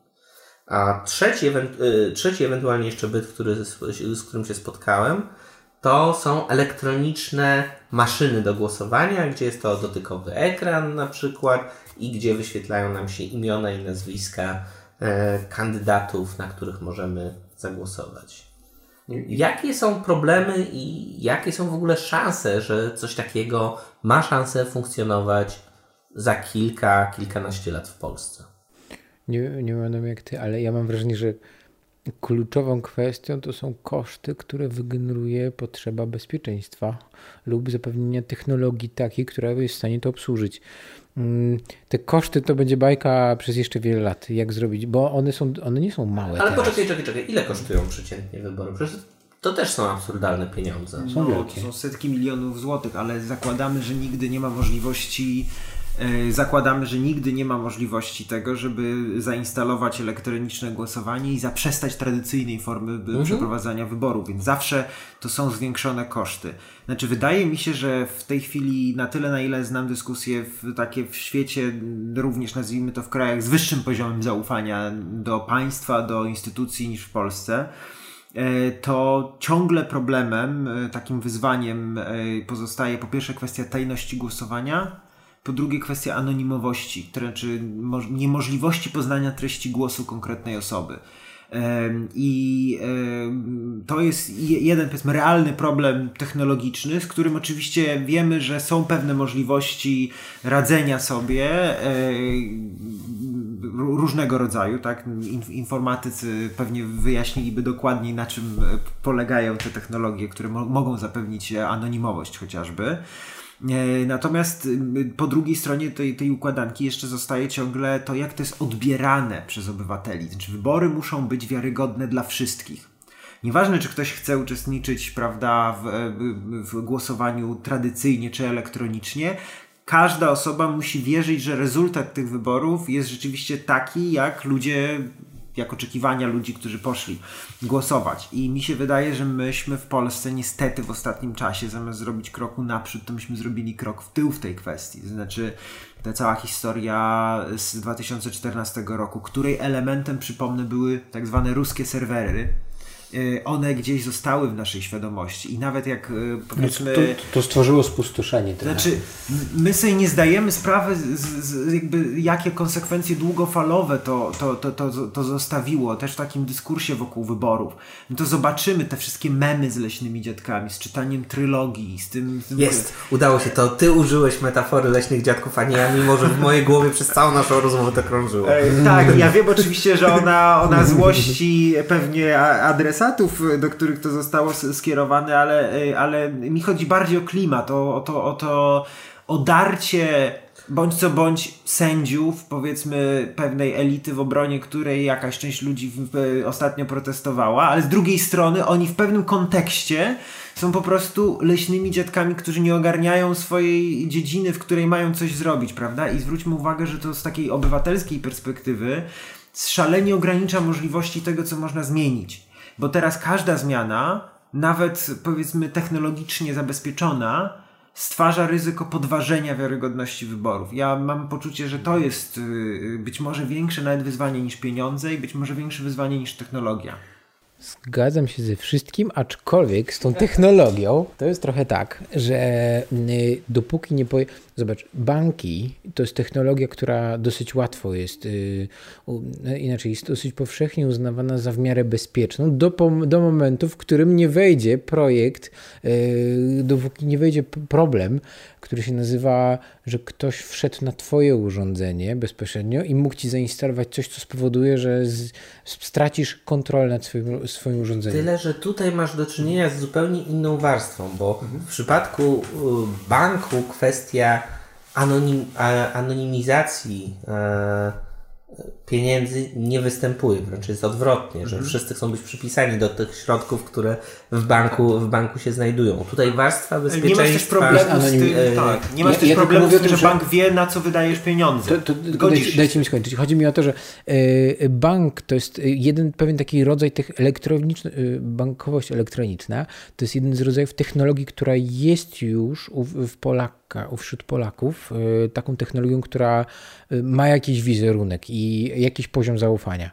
I dopóki nie pojawi się technologia, która jest, ma, e, stworzy podobny spo, poziom e, e, poczucia bezpieczeństwa, być może anonimi, anonimowości. E, Gdzieś tutaj patrzę w tym kierunku Web 3.0, bardzo świeżych tematów wokół bitcoinów, wokół Blockchaina, bloku tak. blockchaina tak naprawdę, bo no, bitcoin jest tylko elementem dużo większego elementu technologicznego, jakim jest blockchain. To dopóki ten blockchain nie, jest, nie będzie taką, albo coś w tym stylu, nie będzie taką e, strukturą, która zapewnia e, odpowiedni poziom bezpieczeństwa, anonimowości lub ani, anonimizacji e, lub e, czego jeszcze? Tajności. E, tajności, no to dopóki technologia nie da takiego poczucia ludziom, to ym, ja uważam, że wszystkie elementy elektroniczne są przez na wiele lat jeszcze do, do, do, do no nie do wykorzystania. Znaczy, wydaje mi się, że tutaj nie jest problem samej technologii explicite, Mhm. tylko problem tkwi w zaufaniu i zbudowaniu tego, zbudowaniu tego zaufania. Zresztą istnieje sporo badań poświęconych samej właśnie idei, dlaczego ludzie ufają komputerom i ufają konkretnemu medium bądź konkretnej aplikacji, a i jest zbudowanych szereg modeli też, które y, pokazują, jakie występują korelacje pomiędzy poszczególnymi atrybutami związanymi z zaufaniem, to też się przekłada na 9-12 różnych parametrów, które ludzie realnie postrzegają. Myślę, że z naszej pol- polskiej perspektywy to jest o tyle ciekawe, że często te terminy, które się pojawiają w języku angielskim, w języku polskim nawet nie mają swojego odpowiednika, co pokazuje też pewną, pewne ubóstwo związane z tematem zaufania i jakiejś obywatelskości. E, I myślę, że spróbujmy zakończyć czymś bardziej optymistycznym. Co powinniśmy robić jako projektanci i jako obywatele, aby te nasze karty wyborcze i żeby nasz proces głosowania był jeszcze lepszy?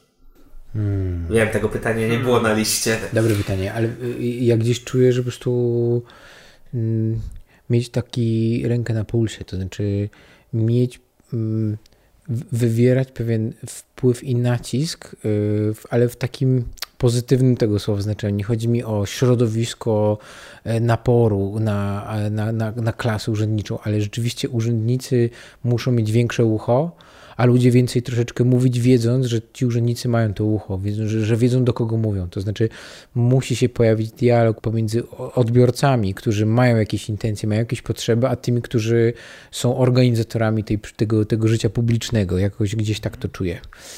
Znaczy ja myślę, że też duży, duży nacisk powinien pójść w kierunku ym, takiego środowiska prawniczego, legislacyjnego.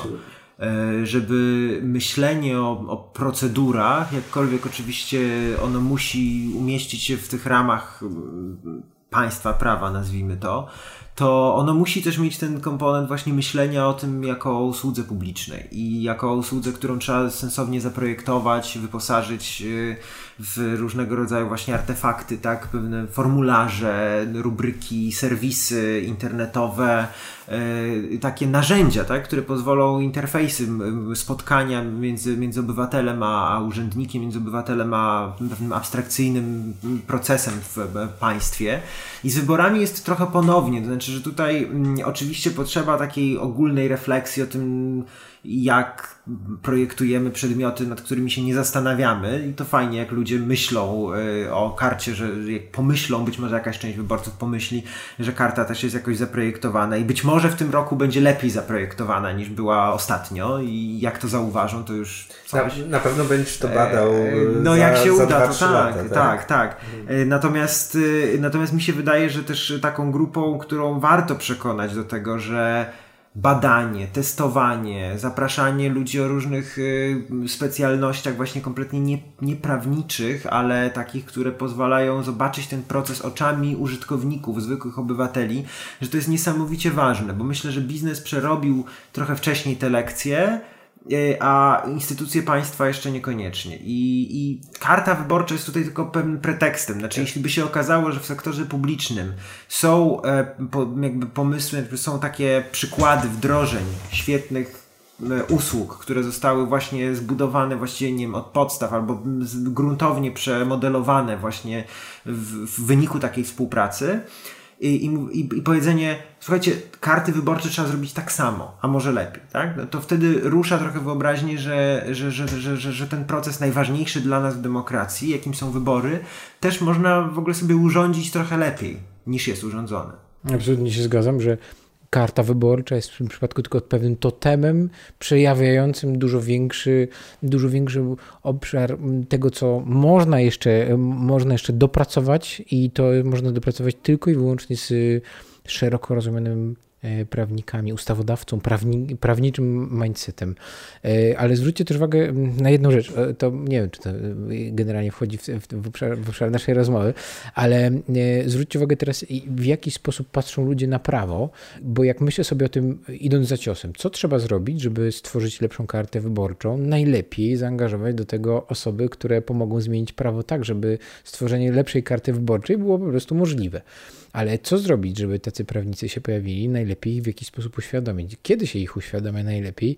Wtedy, kiedy oni się uczą. A kiedy się oni uczą? Oni się uczą wtedy, kiedy są na studiach, czyli w miejscu, w którym przekazywana jest y, bardzo prawniczo-centryczny sposób myślenia, y, bardzo kodeksowe podejście.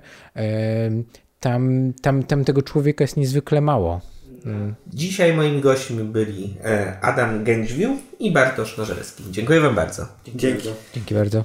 I to już wszystko na dzisiaj. Zapis całej rozmowy oraz notatki do tego odcinka znajdują się tradycyjnie pod adresem nietylko.design ukośnik 024. Zachęcam też do zerknięcia na stronę Fundacji Batorego. Do usłyszenia wkrótce.